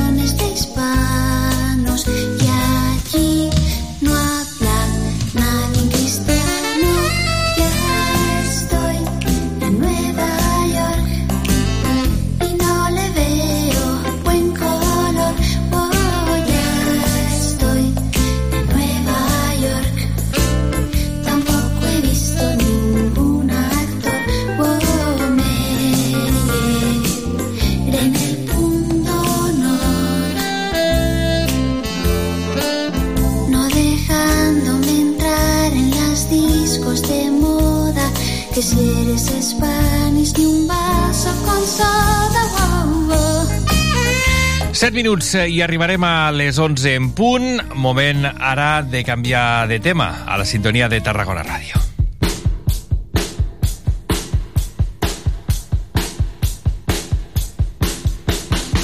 I moment de saludar a través del telèfon al coordinador d'Unió de Pagesos al Camp de Tarragona, el senyor Pere Guinovar. Senyor Guinovar, molt bon dia. Molt bon dia. Moltíssimes gràcies per acompanyar-nos. Uh, li pregunto per uh, una de les reivindicacions de, del sector i és que aquest dimecres hi ha convocada, si no m'equivoco, una marxa de tractors uh, d'Unió de Pagesos que ha d'acabar arribant a, a Madrid, de fet, davant del Ministeri de- d'Agricultura, és així? Bueno, ara, en aquests moments, els companys ja, ja estan al segon dia de la... perquè penseu que des de Girona, Lleida i Tarragona i les Terres de l'Ebre, doncs aproximadament tenim mil quilòmetres i els companys ja bueno, estan al segon dia demà demà és el dia que arriben a Madrid. Demà és el dia, eh? A dir, que estan ara encara amb aquesta marxa. El motiu és eh, reclamar que, que es concretin com es repartiran totes aquestes ajudes al sector que s'haurien aprovat al maig per fer front a, a la sequera. Quina és la situació ara mateix, senyor Guinovart? Bé, la, la veritat és que la proporció que ens toca a Catalunya pel tema de la sequera no n'hi ha ni per les engrunes. Vull dir que eh, si s'ha decidit una manifestació d'aquestes característiques amb tot, la, amb tot el que comporta, imagineu en quina situació estem. Vol dir que el que anem a reclamar és a veure quins seran els ajuts, com se repartiran els ajuts i, en definitiva, eh, la continuïtat del sector agrari, perquè si no hi ha un ajut a, la sequera, possiblement moltes explotacions hagin de plegar. És a dir, que la, les ajudes, en aquest cas, eh, la situació és determinant per la continuïtat del, del sector, per, pel, pel que explica, eh? Bueno, s'han s'han dictaminat unes, uns ajuts per, per la fruita dolça i per la per fruita dolça i per cereals d'estiu del canal d'Urgell per part de la Generalitat sí. un moment, sisplau Sí, sí, sí. Uh... I, i aquests ajuts bueno, aquests ajuts sol no n'hi no, haurà suficients no hem d'oblidar que aquí al Camp de Tarragona eh, que estem molt perjudicats tant pel pantano de Ciurana, Riu de Canyes, de Guillemets i de Margalef, que són els quatre pantanos de, de, de Tarragona estan secs. I, i s'ha parlat ara d'un primer els cereals, un primer de a la sembra d'estiu i un primer ajut de però aquí s'olviden dels llenyosos del camp de Tarragona o els avellaners si no podem regar es moriran. I això és una realitat una realitat, els ametllers estan sofrint les oliveres doncs ja cauen les olives pel, pel tema de la sequera i aquests sectors no, no s'ha estipulat encara cap model d'ajut ni, ni es planteja quin ajut serà. Ara vostè parlava del, del canal, del canal d'Urgell que havia, que havia aprovat eh, per, per majoria destinar precisament les reserves d'aigua a salvar la collita de fruita. Aquí el que ens afecta també és la situació de, de, del tema de Riu de Canyes, no? Bueno, ens afecta Riu de Canyes, Siurana, Margalef i Guiamet. Uh -huh. Que tots, totes eh, patint molt i, i a la part de la zona, a la part de és complet. Doncs, Senyor Guinovart, tenim algun problema amb la cobertura i no, no, no l'escoltem gens bé. Ara no, no No, estàvem entenent... Sí, és que no estàvem entenent res del que, del que ens deia, disculpi. A veure si ara millora. Ara millor. vostè que eh, en aquests moments la, les ajudes a llenyosos doncs eh, no està encara contemplada que passar amb els avellaners i els ametllers eh, la fruita dolça de, del Camp de Tarragona perquè els pantans de Siurana, Riu de Canyes, Guillemets i Margalef doncs eh, aquests estan secs i encara no s'articula cap ajut ni proposta d'ajut en aquests moments. De fet, les reivindicacions i la, la situació del, del sector ja fa temps que, que, que s'arrossega. És a dir, això, això ara ha empitjorat, però, però no és nou, no? Ja, suposo que tot això va provocant un, un desgast importantíssim, m'imagino. Sí, bueno, eh, ve, ve un desgast de que, eh, doncs, com us deia al primer moment, eh, s'està plantejant moltes explotacions que no podran continuar. I això és, ja, ja és una realitat. Venim de, de, de dos anys dolents de preus, to, eh, venim de d'un Covid i si anem sumant totes les circumstàncies només faltava aquesta sequera i aquest canvi climàtic que ens afecta i que no n'hi haurà prou en parlar d'ajuts, sinó com garantim el rec a les nostres explotacions. Qui- Quines propostes fan des, de, des del sector? Per on passarien aquestes solucions, aquest manteniment de, de, de, de la situació? En, aquests moments eh, només, només se contemplen ajuts directes perquè eh, tots els ajuts que vinguin que, que ens portin a l'endeutament encara ens perjudiquen més les nostres explotacions. Vull dir que aquí eh, l'ajut que, que té que vindre és una, una, un ajut directe que ens garanteixi que l'any que ve puguem tornar a treballar. Pen- Penseu que si hem d'arrencar eh, les plantades de, de ballaners o de mallers doncs eh, això comporta 7 o 8 anys de, després fins que no anem a tindre fruit és una situació dramàtica. Només passen coses. Una, que hi hagi un ajut directe que ens pugui garantir que podem pro- produir i la segona passa de que com replantegem eh, el tema de regadius no, no tan sols al Camp de Tarragona sinó en el mar de tot Catalunya.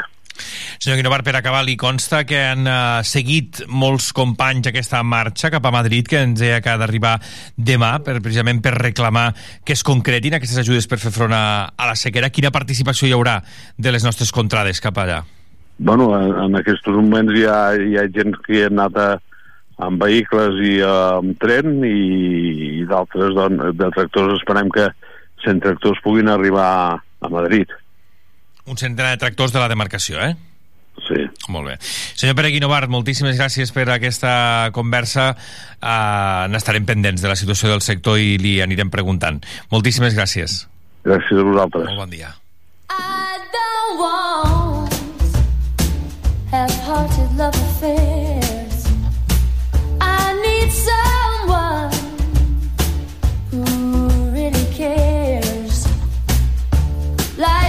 Too short to play silly games. I've promised myself I won't do that again.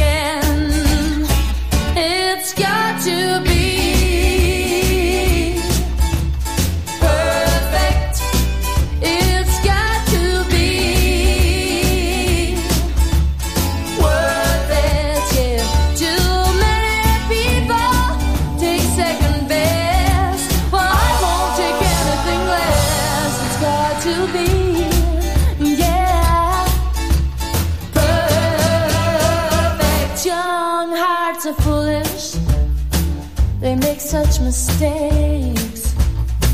They're much too eager to give their love away.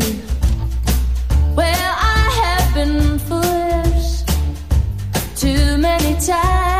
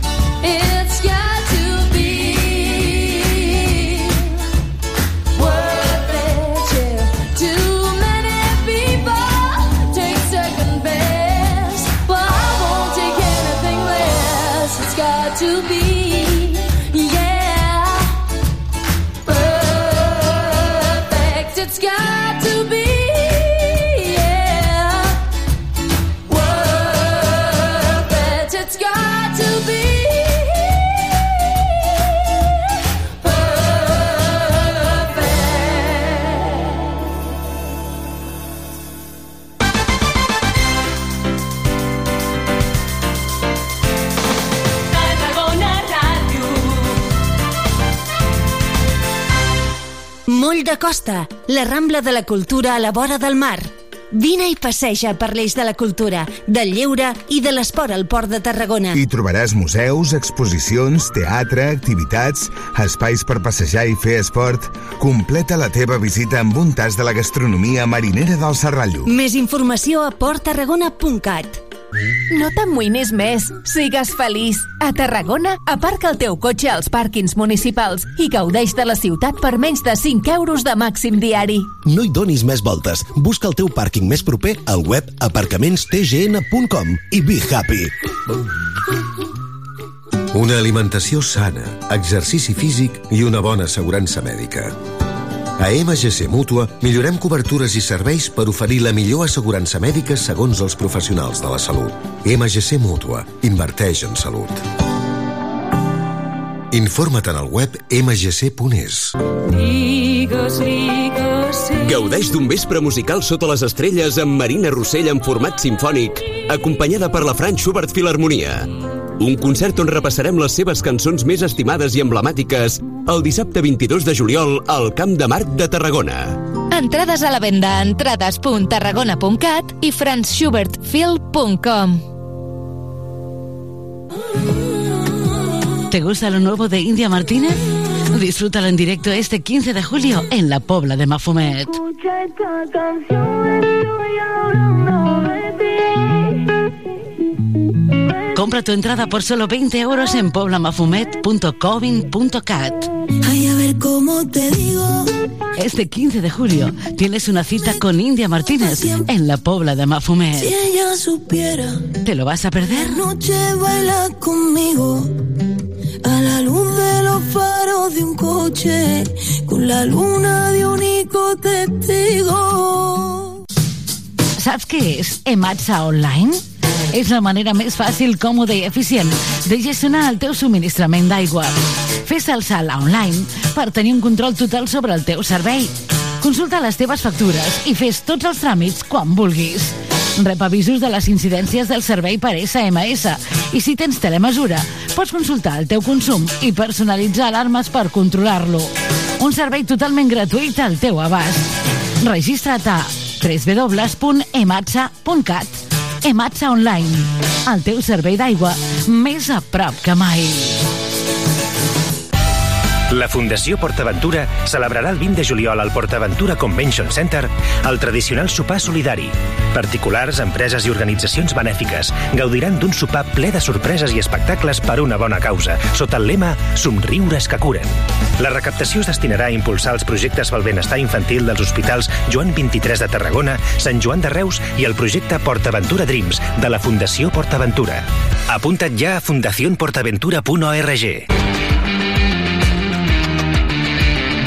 Hola, som Cela Cupido, el programa de relacions dissidents de Tarragona Ràdio. I us volem convidar a la nostra festa de final de temporada, la Mamarratxada TGN, el dissabte 8 de juliol de 6 de la tarda a 6 de la matinada al carrer Rebolledo de Tarragona. Durant la tarda farem un programa en directe, fira d'entitats, rifa, recital poètic a càrrec de La Vulnerable i micro obert, acabant amb un sopar popular. I a partir de les 11 de nit durem la festa a la sala Premium, al mateix carrer Rebolledo, amb els concerts de Sudor Marica, Te pedimos que sea del gremio, ven a sudar. Laura Valls, Y esta noche me quiero turbiar. Flux, No tinc cap resposta binària. Tinc una proposta i si vols acosta't. i roba estesa DJ set. Si l'amor fa la cena, l'amor no val la pena. entrades ja disponibles online en Tràdium i físicament a la llibreria La Capona i al bar Els Arts de Tarragona i al casal Despertaferro de Reus. I no t'oblidis de vestir les teves gales més petardes. Ens veiem el proper 8 de juliol a la Mamarratxada per acabar de trencar amb les parets d'aquesta cel·la. La Cel·la Cupido. Ràdio.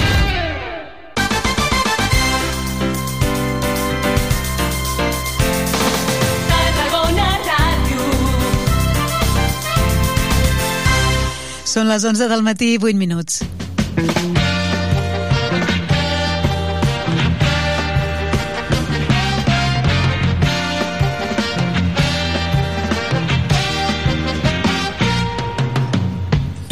Continguts fresquets del dia i entrevistes quilòmetre zero a Mercat d'Estiu, a Tarragona Ràdio. Continua el mercat d'estiu, Miquel, mira. Hola. Acabo d'arribar jo. Sí, Aquí sí, molt menjant bé. un gelat per esmorzar. Bon dia. Menjar-te un gelat per esmorzar. Que És, eh, és que Sí. fa, ja comença a fer... Avui no fa tanta calor. No, avui és no, veritat, avui va. no. Mira, mentre no, ens plogui, men- mentre no ens plogui, que a la nit tenim concurs internacional de focs de la ciutat de Què Tarragona. em dius ara?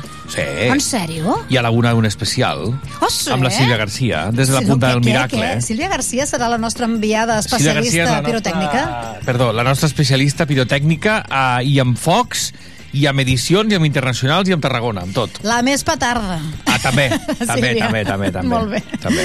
Sí que és veritat que la Sílvia ja ens saludava aquest matí des de la També. punta del veure, miracle. truca en directe? No La truqueu en Sílvia- directe, la que Sílvia estic en directe. trucant dient, què vol dir això de petarda? No, no, no. Doncs la Sílvia, que aquest matí ja estava cap a la punta del miracle, perquè allà, atenció, i poca broma, eh, ens han fet un curset als periodistes que volguéssim un curset sobre eh, tot el vocabulari, tota la nomenclatura, com funciona això dels focs artificials, perquè després en puguem fer un seguiment digne, dient allò de dispar i, i retardat i coses Mhm. d'aquestes, saps? Que, que el Pep ho tenia Sí, tant, el Pep se sí, anava sí. sempre i ho tenia com a molt assumit, Sí, sí. i jo ara mateix dic, ai, no me'n recordo com es diu allò quan els focs fan bum i fan de molts colors. Doncs tota aquesta informació ara la té la Sílvia Garcia i cada dia a partir de la una, aquests tres dies, eh? avui, demà i demà passat, connectarem amb ella des de la punta del miracle. Pirotècnies que pinten molt bé, no, Miquel? Sí, Raquetes quatre pirotècnies. Eh, una italiana, una de Castelló i dos de València, diria. Així de memòria t'ho dic. Sí, avui arrenquem la italiana. Serà... Santa Chiara. Sí, sí, sí, sí, sí. Serà, però ens han dit que el responsable parla molt bé castellà. Mm. Serà, serà xulo, eh? Escoltar i sobretot escoltar els, eh, el soroll, el gran eh, soroll que farà la primera demostració d'aquest concurs internacional de focs artificials. Això arribarà a la una i això vol dir que el programa, el eh, mercat d'estiu, en aquests tres dies se'ns escurça una miqueta i canviem Sí. una mica l'ordre dels elements, no? Sí, sí. De fet, se'ns excursa perquè a les 12 arriba el tothom, després arriba el Joan Andreu Pérez amb la Fons i a la una l'especial dels focs. Doncs tot això us ho explicarem, bé, tot això no el que explicarem ara en sumari, però tot això ho farem possible amb el Lluís Comas a la part tècnica, amb la producció del Joan Andreu Pérez, amb el Miquel González i jo mateixa, Núria Cartanyà, que us estarem parlant des dels estudis, Sílvia Garcia, que s'incorporarà després a la una, ja ho veieu, i la Martina i la Judit, que les tenim encara amb nosaltres. Bon dia, noies. Bon dia. Bon dia. No heu marxat encara? Encara no. Si acaben encara ens d'arribar, han de marxar si acaben d'arribar. Bueno, però és que ahir les van si fer han d'estar anar. aquí tot el mes de juliol, per Les amor de van Déu. fer anar Rambla amunt ahir corrent cap al Teatre Tarragona. Dic, igual s'han Bueno. espantat i han demanat canvi d'empresa de pràctiques. No, no, no, perquè No, avui no. també han sortit al carrer. O sigui que, Han sortit al carrer? Sí. Ai, ara ens ho explica, va. Fem Val. sumari,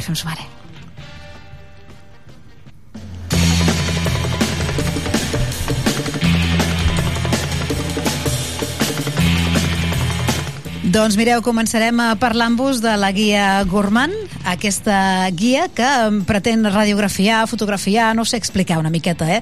com són de bons o de no tan bons els eh, restaurants, els eh, centres de restauració i hotelers de Catalunya i també d'Andorra. Una guia Gourmand que continua, però això sí, a partir d'ara ho farà amb una edició digital. Bueno, més que res per si... Jo crec que és molt pràctic, eh? si aneu de vacances i voleu saber exactament no? en què on podeu dinar, on no podeu dinar, en quin hotel allotjar-vos, bueno, teniu una miqueta de referència. Doncs en parlarem de la guia gourmand de l'edició d'enguany. I després us explicarem, Miquel, que eh, ja el BOE ha publicat el decret que dona per tancadíssima la pandèmia a casa nostra i diu que ja podem anar a entrar a farmàcies i a centres sanitaris sense mascareta. Doncs sí, la fi de la mascareta, que ja ha arribat eh, aquest dimecres, de fet ja s'ha aprovat, eh, perquè ja s'ha Mhm. publicat al BOE, per tant, si aneu a farmàcies, hospitals, etc etc, no cal que la porteu, no és obligatòria, és recomanable, amb segons quins punts, i de fet és recomanable, ara ens ho deien, que és recomanable portar-la, però no és obligatòria, i crec que la Martina i la Judit han eh, parlat amb gent que tenia moltes ganes de treure la mascareta, no, noies? Sí, hem anat a entrevistar la gent que anava venint a la farmàcia Maria Fonquer i a veure què els hi semblaven, si tenien ganes ja de treure-se-la o si de... preferien seguir portant-la. Val, doncs després ho escoltarem. Ens feu una mica de spoiler, així en general? Què us han Molta dit, que sí o que no? Contro... Sí, no estava clar. Mm, hi havia una gent que, estava molt, que tenia moltes ganes i ens ha deixat molt clar, però hi havia algunes altres que preferien potser seguir-la portant. Val. Molt bé, doncs després escoltarem les veus, com diu el Miquel. I mira, Miquel, hem fet una cosa xula que intentarem fer durant tot l'estiu, que és que anem de llibreries, a que ens recomanin Mira lectures, llibres, sí, sí, sí, de llibreries i de biblioteca, eh? També donarem a veu a la Biblioteca Pública de Tarragona, que és el que acostumem a fer, però enguany ho hem ampliat, hem dit ja que estem de, bueno, com a- extensos, no? Llibreries, que en tenim quatre, almenys aquí Mhm. al centre de la ciutat. Anem-hi. I hem començat per la llibreria El Soterrani, al carrer August, i avui ja tenim la primera recomanació literària. I què et diuen? Novel·la negra. Val. Novel·la negra. Molt bé, molt bé, molt bé. Crim, sang i fetge... Bueno, ja, ja t'ho explicarem.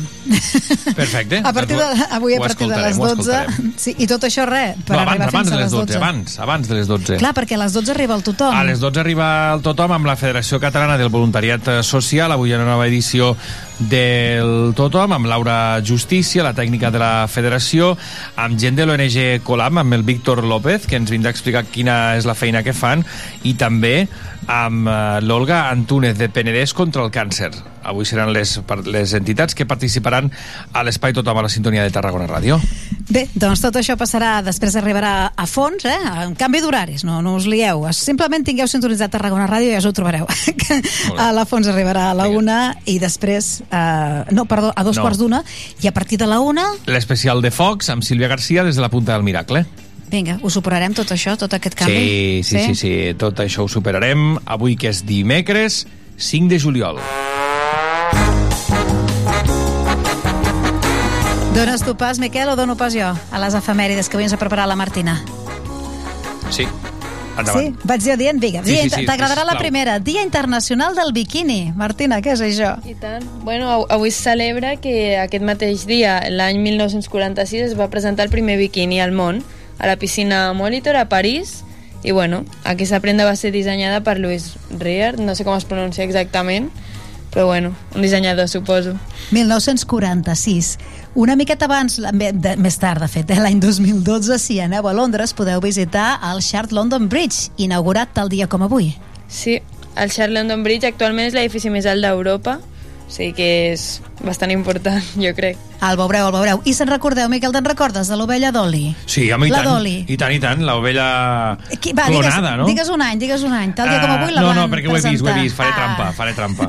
El 96, que va Doncs ser, això, que va néixer. Ser, va ser el primer animal clonat a partir d'una cèl·lula adulta i bueno, el van crear a Edimburg i bueno, finalment va néixer, va néixer al Regne Unit i bueno, molts creuen que aquest animal és el primer pas per clonar persones. Mm. Mira, en un altre ordre de coses, per tots aquells que aneu per carretera, tal dia com avui s'aprovava la primera llei al món, a tot el món, que limitava la velocitat de circulació pels cotxes. Sí, es va aprovar l'any 1865 a Regne Unit i bé, 1865. Sí. Molt bé. I què és això d'epidèmia de ball?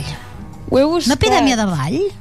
Una epidèmia de ball. Sí. Es veu que l'any 1518 a Estrasburg, a França, una dona anomenada Frau Trofea va començar a ballar sí. eh, momentàniament eh, al carrer i bueno, a poc a poc se li van anar unint moltes persones de manera inexplicable i al cap d'un mes hi havia 400 persones que havien mort ballant de cansament, d'infarts... Sembla que això va passar, jo no és la primera vegada que ho escolto. Eh? Jo no ho he sentit ah, mai. Jo sí, jo sí. És, uh, també em sembla que és d'aquí d'on surt el ball de Sant Vito. Té a veure amb una malaltia. Vull dir, no, no, no ballava d'alegria, sinó que em sembla que va ser com una malaltia que d'alguna Mhm. manera es va, es va encomanar. Era l'any 1518, imagina't, segle XVI. Ja, ja, ja. I, I sí, sí, jo sí que ho havia sentit, això, eh? Epidèmia de ball, que fuerte. El naixement de Nico Miley. Sí, bueno, va néixer l'any 1985 i és un integrant del grup de música d'Arctic Monkeys, no sé si el coneixeu. Mhm. Estem amb efemèrides musicals ja, sí, que Sí. al Miquel li agraden tant. I tant. Escolta, i mira, Miquel, Elvis Presley, que sembla que va fer la seva primera Sí. gravació, la primera cançó d'Elvis Presley tal dia com avui. Sí, l'any 1954 va gravar la seva primera cançó anomenada That's All Right i bueno, és considerada una de les 100 cançons que han canviat el món. Mhm. Una obra, una obra prou important que es va publicar també tal dia com avui i que la tenim aquí al mig de les efemèrides musicals però us la direm igual, la obra que es deia Filosofia Naturales Principia Matemàtica i de qui era? És d'Isaac Newton i bueno, es va publicar l'any 1867 i en aquesta obra es recullen descobriments matemàtics. I bueno, aquest treball va marcar un punt d'inflexió en la història de la ciència i actualment és considerada l'obra científica més important de tots els temps. Molt bé, i si abans eh, us comentàvem que Elvis Presley publicava la seva primera cançó l'any 54, That's All Right, us expliquem que també tal dia com avui, mira, la devia agradar aquest dia per, per treure discos, Sí. publicava la més coneguda It's Now or Never, un altre any però. publicada l'any 1960 i és una de les cançons més exitoses, més exitoses perdó, d'Elvis Presley. Molt bé. I més xula, eh? Sí, t'agrada? Sí, sí, sí, T'agrada? sí. Molt bé. Alguna efemèride musical més, Martina? Què hem de dir més? Bueno, eh, tal dia com avui, l'any 1965, es publicava l'àlbum de Summer Days i també la publicació de I'm Free. De, bueno, és una cançó publicada l'any 1969 per The Who i està inclosa a Tommy, que es veu que és un dels grans àlbums de, del rock en general. Molt bé, déu nhi eh? Si en tenim d'efemèrides avui. No? No t'ho pensaves pas que havien passat tantes coses, eh? La veritat és que no, Tal 5 dia de avui. juliol, eh? Si és estiu Buah. i no passa res, a l'estiu no passa mai res. doncs sí que passen, sí que pues passen mira, coses. Elvis Presley, si estigués viu, segur que publicava alguna avui, Vaja alguna sí. cançoneta. Uh, parlant de cançonetes, Miquel, de què va el film musical? No em deixeu triar cap film musical últimament. Ah, mira, escolta'm. Com esteu, eh? ah, doncs mira... Però veig cançons xules que m'agraden no, a la llista si, que has si fet. ahir ens n'anàvem al 93 amb números 1, avui hem tirat més enrere i hem anat cap al 88. Per tant, 35 anys d'aquests eh, números 1. I jo crec que si em deixes, demà continuarem tirant enrere, eh? Tira, tira, tira perquè m'agraden molt aquestes llistes Ah, que, que fas sí? i veig, avui especialment veig cançons que no estan mal, excepte una. Però la que no t'agrada ja l'hem posat, crec. Gràcies, gràcies. Sí. Què, què, què toca ara, Lluís? Quina tocaria A veure, ara? bueno, Lluís, va, a veure si l'endivinem.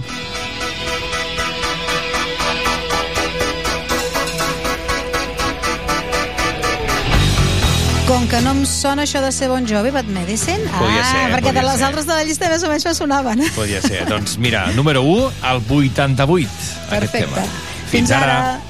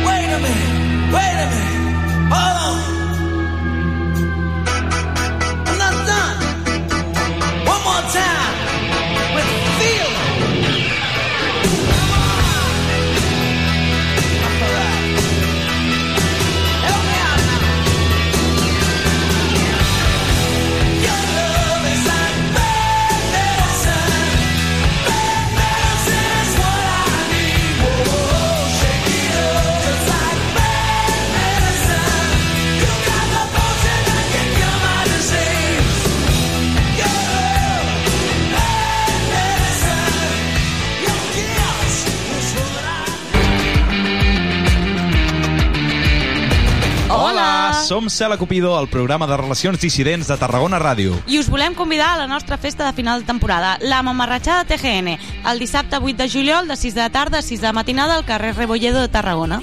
Durant la tarda farem un programa en directe, fira d'entitats, rifa, recital poètic a càrrec de La Vulnerable i micro obert, acabant amb un sopar popular. I a partir de les 11 de nit durem la festa a la sala Premium, al mateix carrer Rebolledo, amb els concerts de Sudor Marica, Te pedimos que sea del gremio, ven a sudar. Laura Valls, Y esta noche me quiero turbiar. Flux, i que resposta binària. Tinc una proposta i si vols acosta. i roba estesa DJ set. Si entrades ja disponibles online en Tràdium i físicament a la llibreria La Capona i al bar Els Arts de Tarragona i al casal Despertaferro de Reus. I no t'oblidis de vestir les teves gales més petardes. Ens veiem el proper 8 de juliol a la Mamarratxada per acabar de trencar amb les parets d'aquesta cel·la. La Cel·la Cupido. Cocodril Club. Si t'agrada la bona música dels anys 60, 70 i 80, escolta Tarragona Ràdio les tardes de dissabtes i les de diumenges de 4 a 6. És el temps del Cocodril Club. Tot un clàssic de la ràdio, amb les bases del pop-rock, les llegendes, les cançons que s'han convertit en autèntics himnes. Recorda't, a Tarragona Ràdio 96.7 FM... Cocodril Club, el programa revival de l'Albert Malla. Hasta luego, cocodrilo. No pasaste de caimán. Hasta luego, cocodrilo. Mercat d'estiu. Tarragona Ràdio.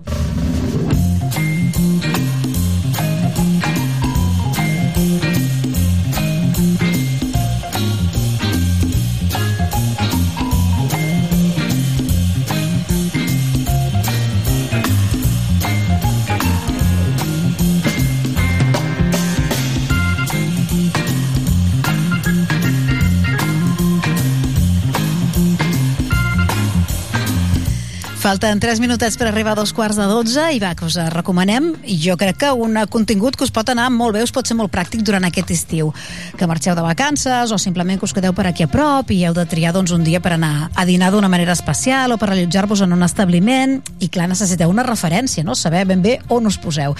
Doncs en això us pot ajudar un any més la guia Gourmand, que sí, que torna, que de fet no ha marxat mai i torna ara sí, això sí, en format digital. Us presentem qui ha dit aquí publicar la guia Gourmand a partir d'aquesta edició, és la Mary, directora de la Guia Gourmand. Bon dia, Mary. Hola, bon dia. Bon dia. I uh, l'Elder Moya, que és el cap de redacció, el que s'encarrega de picar-ho tot, d'entrar-ho tot. Elder, bon dia. Molt bon dia. I altres coses, i coordinar, que és una El que fanyada, no? convingui. Molt bé. Mary, fa un any ja que ens va deixar el Fèlix. Sebell, sí? 13 mesos exactament, el dia 1 de juny Sí? de l'any passat, sí. I clar, nosaltres doncs eh, vam estar pensant i vam pensar, dic, és una llàstima, no?, que tot el que ell va fer durant tants anys es tirés per, per la borda. I llavors, juntament doncs, amb l'Elder, amb l'Elder, clar, no cal dir-ho, el meu fill, Fèlix, i un grupet, eh, la meva jove també, Fanny, i uh, la parella de l'Elder, la Montse i la periodista, mm, que és una neboda meva, Marta Pérez, vam dir, vinga, entre tots Home, ho vau- tirem endavant. Vau ser un equip, eh? Això Vam és fer un equipàs. equip i, bueno, ho hem tirat endavant i eh, aquí estem.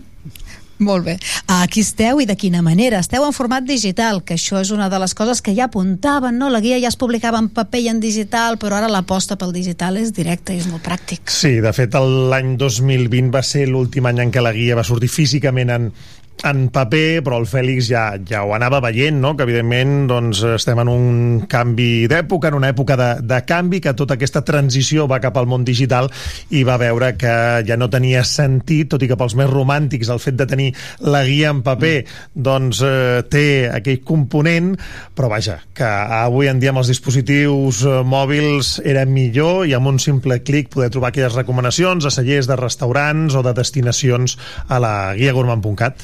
Què té d'especial aquesta guia, Gourmand, que no tenen altres guies que potser doncs, eh, coneixen més, eh? Doncs a veure, sobretot el que s'ha adaptat és a nous formats. Sí que és cert que hem integrat la, la revista, perquè recordem que el Fèlix portava a terme la guia gourmand i també la revista Gastronomia i Turisme, i ara dins de guiagourmand.cat trobes tant la guia específica de restaurants, de cellers, com la revista amb articles, amb reportatges, amb notícies fins i tot D'actualitat, perquè mira, estic veient aquí que vau cobrir el que va ser la pullada del Serrallo aquest cap de setmana, ja se me fa estassa, no? Vam ser-hi, vam ser-hi. O, fins i tot, una, el darrer article que hem fet ha sigut d'una pel·lícula que estan fent actualment al cine Les Gavarres, que es diu Repostero i Chef, i doncs vam decidir també anar-hi, visualitzar-la i poder parlar-ne, perquè, escolta, la gastronomia també arriba al món del setè art. Molt bé, doncs aquí teniu la part de revista, mm, qüestions més de- d'actualitat, però després hi ha tota aquesta guia no, de restaurants i hotels puntuats. La, la Mary ho sap que, que aquesta guia, eh, Mary, és, és, és infinita. Bé, eh, a part de tenir un component eh, sentimental, perquè, clar, sobretot per, per mi, no?, pel, pel meu fill i tal, eh, és una guia, diguéssim, com ha dit molt bé l'Elder, que està eh, actualitzada, està en tots els moments, que, en totes les coses que es puguin donar. Aquesta és la nostra idea, no?, que pugui la gent, doncs, veure-la i, i, i poder escollir, com abans has dit molt bé, quan vulguin sortir, quan vulguin anar a un restaurant, un, anar a un hotel, veure què està passant, etc. Vull dir. És important recopilar informació, però molt més important és eh, com la dones, no? I, i el Exacte. filtratge. I aquí trobo que és molt pràctic perquè tu te'n vas a, a l'apartat de restaurants. Sí. I els tens agrupats per, uh, per províncies i, i altres. Val a dir que també la guia Gourmand és com a molt pròpia, no?, perquè cobreix territori català i una escapadeta a De Andorra... fet, el Fèlix va utilitzar aquell component que primer era Catalunya, després va ser Andorra, Andorra, i sí. després altres llocs d'interès. Sí, sí, perquè no, en qualsevol escapada... Sí. Bueno, Bueno, llocs, llocs una mica així emblemàtics, una miqueta bonics, que també els va voler posar una petita, petita informació, però sempre ajuda, no? Quan se viatja i vols alguna coseta fora de, de Catalunya, doncs dius, bueno, mira, anem a veure què, què ens diuen. I què valoreu en els restaurants? Això és la feina, el treball de camp, no? Quan aneu allà, què, què valoreu? O com funciona? Sempre ens agrada saber com funciona aquest, va- a aquesta través d'una valoració fitxa. dels- La Mary ho Sí. sap bé, hi ha una fitxa classificatòria amb els diferents eh, aspectes, qüestions com poden ser, per exemple, si ets una persona amb altra mena de capacitats o amb algun tipus de discapacitat, doncs si poden tenir la carta adaptada per exemple, a llenguatge braille o, per exemple, si el restaurant doncs, permet mobilitat amb cadira de rodes després ja ens centrem més en la part gastronòmica com poden ser aspectes del tipus de filosofia de cuina, els plats tradicionals que pots trobar, vaja, és tot una feinada la Mary ho sap de... Molta, molta perquè, feina. perquè el Fèlix quantes hores hi dedicava? Moltíssimes, moltíssimes, moltíssimes. Ara, ara ho veig. Jo pensava que en dedicava moltes, però és que ara me'n dono compte que en dedicava moltes i encara més. La idea és que mm, passeu una fitxa formulari, diguéssim, amb tots aquests Sí. punts, però després hi ha una bona part de narració. De, no és una fitxa freda, sinó que és, no, No. eh, no sé, en aquest cas aquí de tot l'equip, no, que es posa a Ah, explicar-ho. Perquè aquí és quan es veu la filosofia del lloc, no? Diu, el, el cuiner, doncs, et porta els plats amablement a la taula, després surt el cambrer a... surt el cuiner a xerrar amb tu, vull dir, aquests petits detalls Sí. que amb una fitxa freda no s'acaben Doncs de no veure. es donen, aquí sí. En aquest, en aquest cas sí. perquè sobretot el que primem, i tu també ho saps, és la visita. A banda d'omplir la fitxa amb tots els requisits, és la, la visita i l'experiència in situ de poder parlar amb el xef, amb el cap de cuina o amb el sommelier, vaja, amb totes les persones que composen aquell restaurant i la seva identitat. Mm. Exacte, és així. Important també que eh, doneu idea d'alguns eh, plats, eh, d'algunes especialitats de la casa amb el seu preu i un preu mitjà, que això quan vas a buscar un lloc també t'interessa saber. Sí, sí, sí, clar. Bueno, la gent, doncs, lògicament, quan va a un lloc, doncs, clar, vol veure els preus, vol veure, no?, aquestes coses, i nosaltres també donem informació sobre això, evidentment. Quants eh, restaurants a nivell, en general, a tot arreu teniu llistats i no sé fins a quin punt eh, s'hi presten a, que, a participar de la guia? Hi ha facilitats perquè hi aneu, n'hi ha alguns que us diuen no, d'altres que ja ni us ho plantegeu anar perquè no tenen un mínim per poder explicar, suposo que això també passa? Bé, jo crec que la, la guia eh, es, ha estat molt ben acceptada.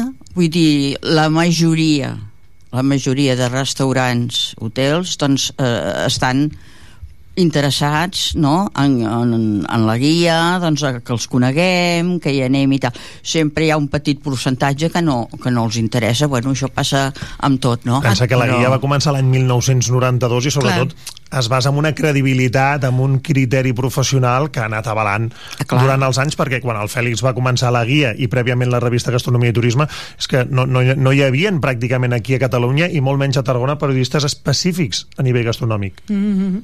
Um, jo sempre me baso en els restaurants no sé, trobo que és on hi ha més, més fato també, no? El que teniu més Sí. entrades però també teniu un apartat d'hotels Perquè pensa que els hotels també han anat cuidant i polint molt tot el tema gastronòmic. Ara podem trobar a nivell de, de Catalunya, d'Andorra i d'altres llocs d'interès eh, restaurants situats dins de l'hotel on no cal ser ni molt menys client que són de referència, sense anar més enllà. El tenim aquí amb Estrella Michelin, bon amic del, del Fèlix, com és el restaurant Deliranto, Ah, sí, oi a tant. Salou. que està, sí, el, el de l'Iranto, que està doncs, amb- a l'hotel, no? però bueno, tots sabem quina cuina fa el de l'Iranto, o sigui, una cuina excepcional. Eh? i en els hotels doncs eh, referiu la cuina també, la gastronomia eh? no l'hotel en si, no l'establiment de... Clar, perquè tu pots optar, pots optar per anar-hi i fer-hi nit, una, dues nits les que tu convinguis, o simplement fer la visita des de la, la pura essència gastronòmica, Gastronòmica, exacte. com aquest cas que t'hem dit, d'anar i conèixer aquell restaurant d'aquell hotel que té una distinció, o sigui una estrella Michelin, un sol Repsol, la que tingui. Molt bé. Uh, nois, que... i premis, no? Que donàveu premis cada any?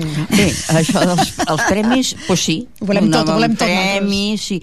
Uh, ho estem estudiant. Sí. Ara, clar, vull dir, tota l'hora una mica difícil, però ho estem estudiant, vull dir, eh, estem pensant aviam com se pot fer, si es pot fer, vull dir, en aquest cas està en un compàs d'espera, però pensant-hi. El primer pas, de fet, ha sigut després d'aquest any de transició, d'aquest any de pausa de la guia, doncs tornar-la a posar en marxa, ho vam fer el passat 1 de juny, però sí que és cert que els premis eren un dels altres components importants, sempre que es presentava la guia es feia el Sí, dia sí. dels premis, no? sí, Llavors sí. potser no els farem tots, però ja que ho estem madurant i ho estem pensant, potser ho reduïm una miqueta més, però la voluntat també, tam també està allí. Exacte. Sí. Paco, us poso deures. Manera en què els, uh, els uh, usuaris de la guia puguem participar. Ens recomaneu un restaurant, anem a aquell restaurant i posem també el nostre comentari. Oh, tenies raó. Oh, mira, això sí, Doncs però mira. seria bé que tinguessin també altres serveis. Per fer-la més interactiva, és Sí, veritat. això de doncs. moment encara no existeix. De moment no, però et recollim, la, et recollim Vinga. la idea, Núria. Sí, sí, no, no, les L'any que no ve, clar, fem l'entrevista de la Doncs guia mira, l'any que ve. És veritat.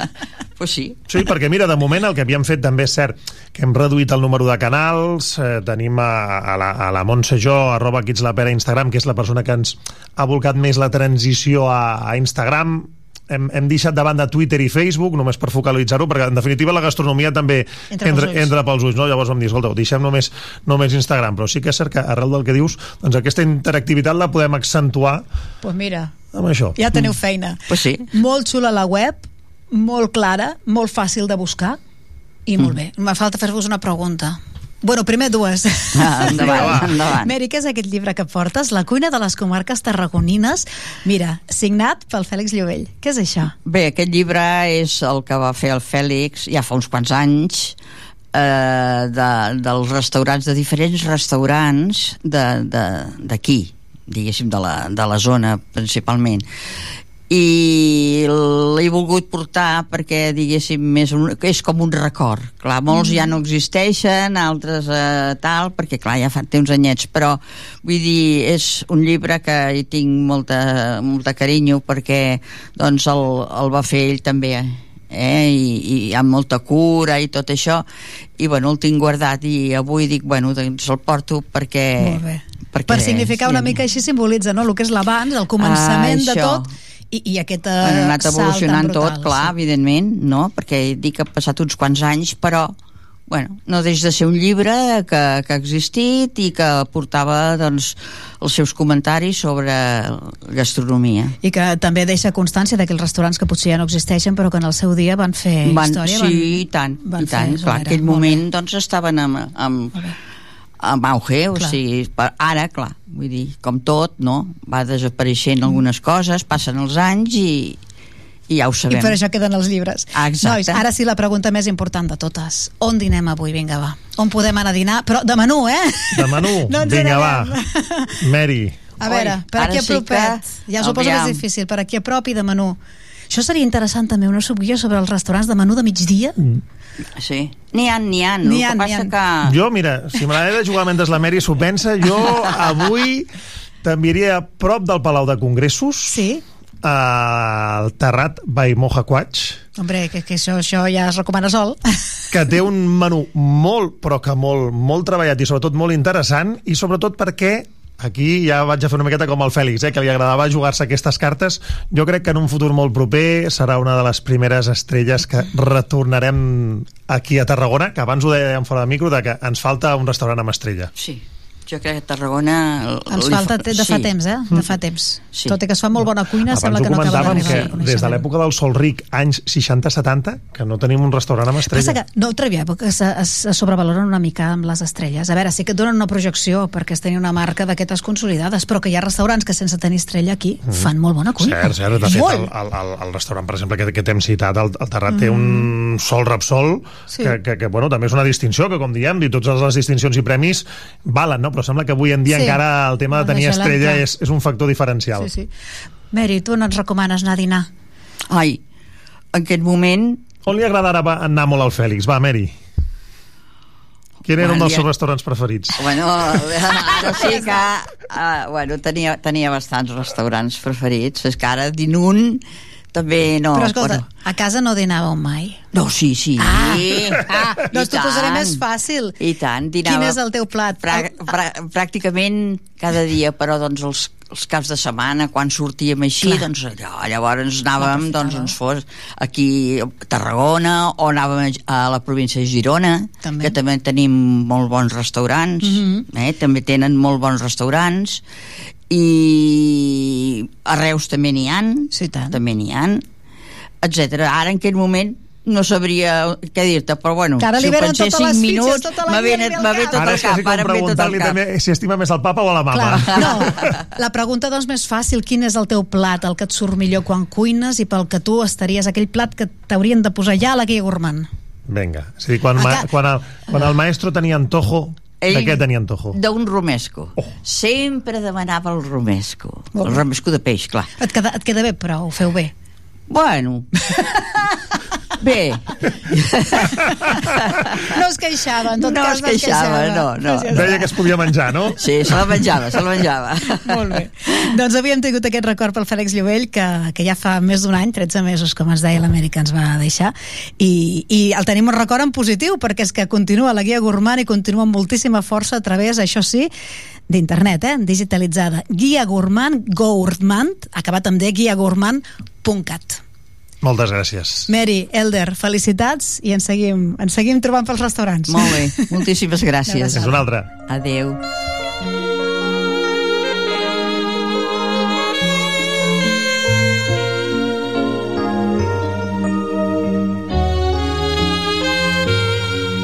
If I had to live my life without you near me, the days would all be empty.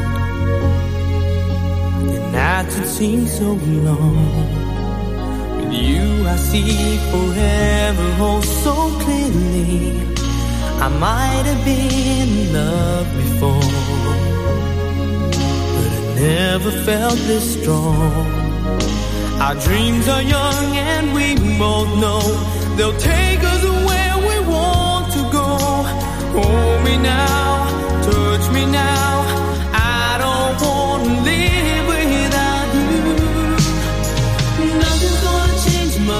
My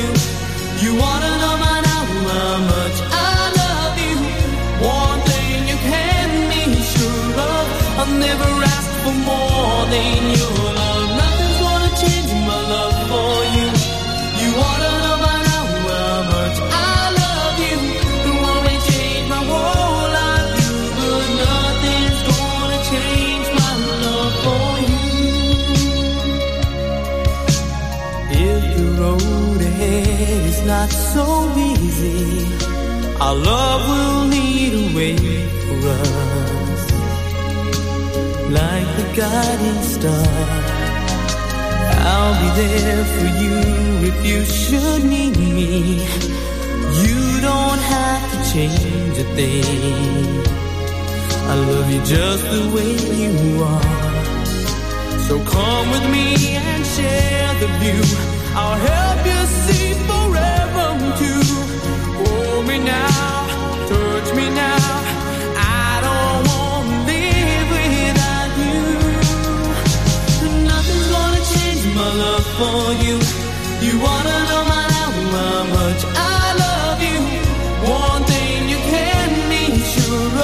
I'll never ask for more than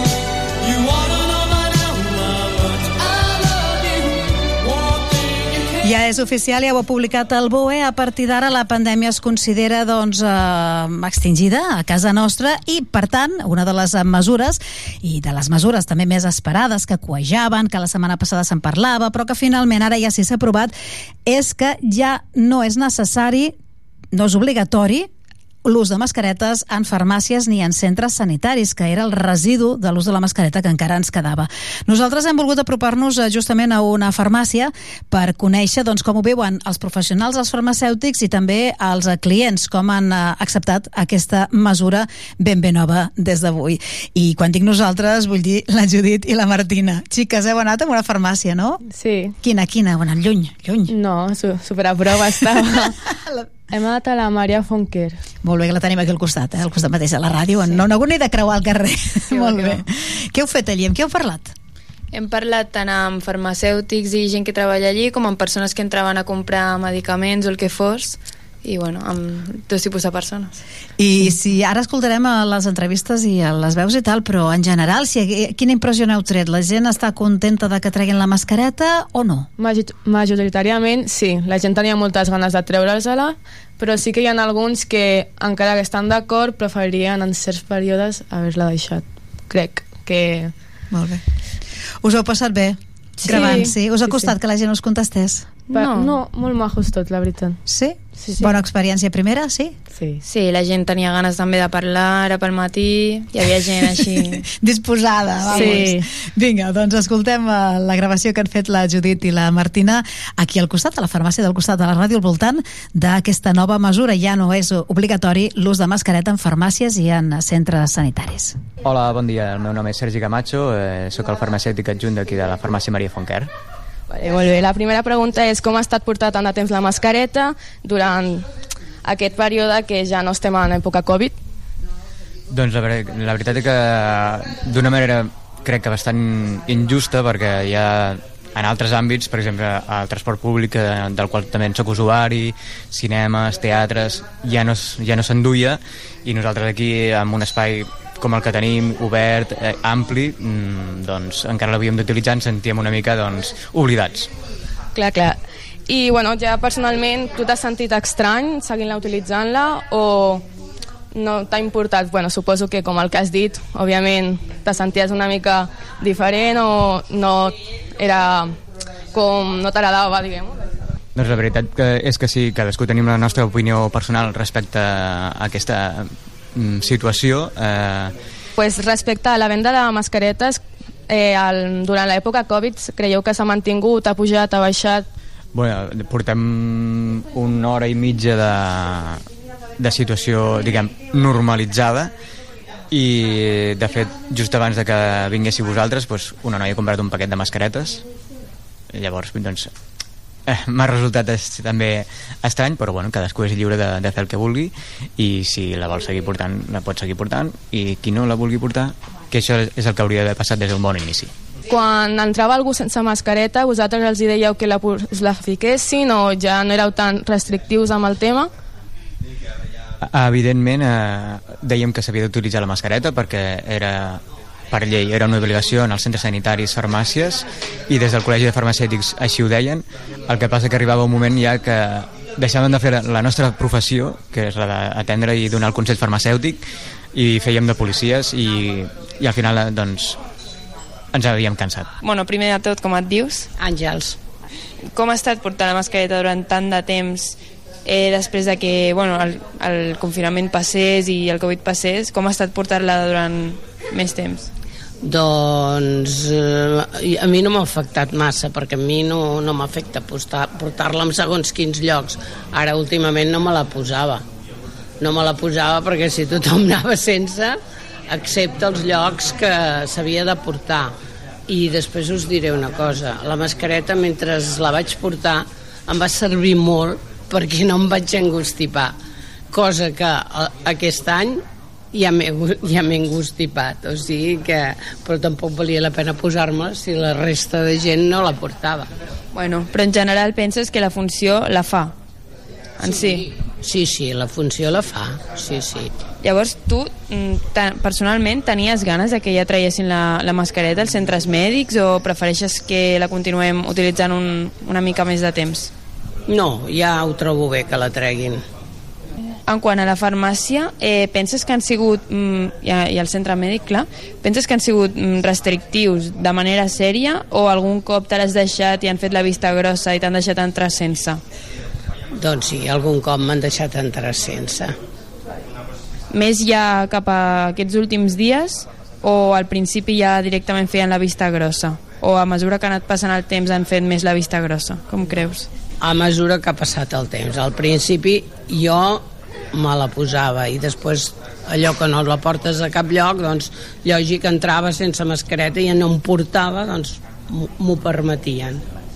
I et senties... T'has sentit algun cop estranya el, com t'he dit, el no portar-la durant tant de... Bueno, el, aquests dies ja no portar-la perquè ja no calia pel carrer ni el transport públic ni res i entrar a algun lloc on sí que calia i sentir-te com a estranya o sentir com un déjà vu del confinament o algo. No, perquè sabia que si anava al centre mèdic l'havia de portar i llavors doncs la portava, ja sempre. Vull dir, ja era una cosa normal per mi. Vamos, pero si es la que quieren llevar, que se la lleven, a que no, pues no. Vale, bon dia, eh, som de, la, de Tarragona Ràdio. Primer de tot, com et dius? Me'n dic Enriqueta. Molt bé. Eh, estàs bé, avui? Sí, sí, molt bé. Vale, vale. Llavors, eh, avui ja han tret les mascaretes de les farmàcies i els centres mèdics. Tu ja tenies ganes de que les traiessin? O... A veure, jo trobo que ens hem d'ajustar... Espera, espera, para. No, aquí no passa res, no passa res. Sí, no, et sents com... Pobreta. No. No, mira. Sí, no. a no, no, ja, ja està. Bé, et torno a fer la pregunta, si vols. Que sí, ja tenies ganes de que ja les traiessin. Si ja estaves farta o el que fos. A veure, jo trobo que, que ha sigut fàcil, ens en, hem anat adaptant. Cada vegada que ens deien s'ha de portar és per alguna cosa. No, ho fan per la nostra seguretat, no per qualsevol tonteria. O sigui que a tu el temps que s'ha utilitzat, vull dir, aquest últim any que ja no ha hagut confinament ni res, t'ha semblat bé encara seguir-la portant durant un temps? Sí, sí, fins i tot en llocs com els autobusos o llocs més públics, jo agraeixo que hi hagi eh, l'ús de la mascareta. Ara fins i tot penso, eh, eh, haurem de vigilar, anar en compte. Clar, perquè tu al bus o en llocs on hi ha molta gent així tancats et sents com desprotegida sense la mascareta? Sents que pots agafar el Covid o alguna cosa? A veure, al principi sí que va ser una mica així perquè no sabies d'on venia fins i tot la sanitat doncs, estava buscant no, solucions però a mi, de mica en mica que veus que ja et van donant més seguretat i que eh, o sigui, no, no passa res o, o si passa no és tan greu si portes les vacunes que aconsello a tothom que se les posi i llavors ja si diuen que hi ha pro doncs anem en compte però no cal, no cal portar-les I parlant de la vacuna, tu portes ja totes les vacunes que t'has hagut de posar. Et va fer alguna reacció la vacuna o et va sentar bé o no? Em va sentar bé, la veritat, i ho aconsello a tothom. El que passa que quan me tocava la quarta dosi, el meu home me va passar la Covid. O sigui que no va calguer vacunar però sí que em va sentar malament tenir la vacuna. Eh, bon dia, com us dieu? Ah, Montse. I Núria. Vosaltres sabíeu que ja, ja havien tret les mascaretes a centres mèdics, farmàcies? Sí, sí, sí, precisament ara ho hem dit a l'entrar. Mira, ja no cal la mascareta. Sí, jo estava pendent també, perquè ho veia, però avui a les notícies, el 324 ja han dit, a partir d'avui. Teníeu ganes de que les traiessin ja o us sembla que la, ho podríem haver allargat una mica més? Jo Bé. tenia moltes ganes. Jo crec que sí, que ja, ja, ja tocava. Fa molt temps ja. Ja moltes vegades entraves i havies de buscar el bolso, si tinc, si no tinc, però mm, depèn també si tens símptomes o no, eh? Sí, jo, a veure, jo trobo bé que es treguin, però també la gent ha de ser responsable. Si algú està encostipat o alguna cosa, doncs hauria de posar la mascareta. Almenys hauria de quedar aquesta cultura. I sobretot als hospitals, clar, si vas amb alguna cosa greu, crec que t'has de protegir. O sigui, és més responsabilitat de la persona. Perquè, clar, si no, la gent que està a les farmàcies atenent està exposada a molts virus, igual que els centres mèdics, els, els metges i els infermers i infermeres, etc. Alguna vegada us heu sentit desprotegides ara que ja estem en una etapa més estable? O heu tingut por d'agafar una altra vegada el Covid si l'heu agafat o agafar-lo per primera vegada? Jo no, jo no, i a més és que jo soc, he estat de les últimes persones en agafar la Covid. Vull dir que he passat gairebé 3 anys sense res i ara fa, quan, no sé, dos o tres mesos que vaig agafar-la llavors ja penso que ja, ja m'he protegit. I bueno, no hi tinc al començament sí, però ara ja sense les mascaretes no, la veritat és que no. Hi vaig a rehabilitació i amb les mascaretes super incòmodo allí tot suant, un s'ho treia l'altre que no, després venia l'afició bueno va, poseu-s'ho. I, i la veritat, avui torno a anar-hi i estarem super contents de, de no emportar-ne, de veritat no, jo tampoc he tingut por, la veritat. Potser sí que quan ara, allò a mesura que s'han anat traient les mascaretes i les mesures de protecció, quan estaves en un col·lectiu de molta gent pensaves, ai, però bueno, jo també m'he vacunat, també l'he passat, vull dir que al final doncs s'ha de fer vida normal. I què us sembla que les hagin primer tret al transport públic i a llocs així tancats i que les farmàcies i els centres mèdics hagin allargat més i que hagin continuat mm, utilitzant les mascaretes. Us sembla que haurien d'haver deixat d'utilitzar-les tots al mateix temps o us sembla bé que els centres mèdics hagin allargat? A mi em sembla bé aquestes bueno, mesures una mica per fases, no? L'últim era ja els llocs de més de, de salut, gent a la farmàcia no sempre està sa, vas a buscar algun medicament i, i, i no cal dir els hospitals i centres així de salut, no? d'assistència sanitària. Jo ho he trobat bé tal com ho han fet però teníem moltes ganes, eh? Sí, jo també, sí. El que passa que, bueno, que és això, que és, de, de fer la mascareta recorda el Covid, no? Suposo que ja és tornar al 100% i com que s'ha fet progressiu, doncs la gent suposo que ha anat agafant més confiança i a part la gent ja està més immunitzada en general. I vosaltres us heu ficat la mascareta en un altre moment, com al transport públic, en algun moment que dieu millor me la fico avui o ja quan ho van dir que es podien treure es la vau treure en un primer moment jo vaig estar uns dies encara Clar, tampoc no sóc massa joveneta i vaig estar uns dies em feia por sobretot quan hi havia molta gent a l'autobús quan hi havia poca gent no però vaig estar uns dies que sí, ja. després ja vaig passar molt ja Sí, jo també, perquè és això. A vegades pues, penses que no passa res, que la gent tossi, no? Però que ara quan tus algú encara estàs així, com una mica en alerta, no? Però bueno, no, també sí que al principi si el vaig agafar al transport me la vaig seguir posant un temps, sí. I a part de la mascareta, heu allargat algun altre tipus de, de producte com el gel o només heu seguit utilitzant la mascareta perquè era obligatori? No, el gel sí que l'hem... Jo l'he seguit portant al bolso, a la bossa, al cotxe, però també és una mesura d'higiene per tot, eh? A vegades tens les mans brutes, no, no, no cal de virus, no cal pensar en virus si no, doncs mira, doncs diu, ai, doncs mira, me les frego per no anar al lavabo o així. Sí, em porto, però el que passa que hauria de mirar perquè suposo que caduca i allò ja no sé si deu fer efecte o no. Però sí, ho seguiré, ho seguiré fent servir eh? Sí, jo sí, el porto al bolso i jo crec que em quedarà com una mesura d'higiene.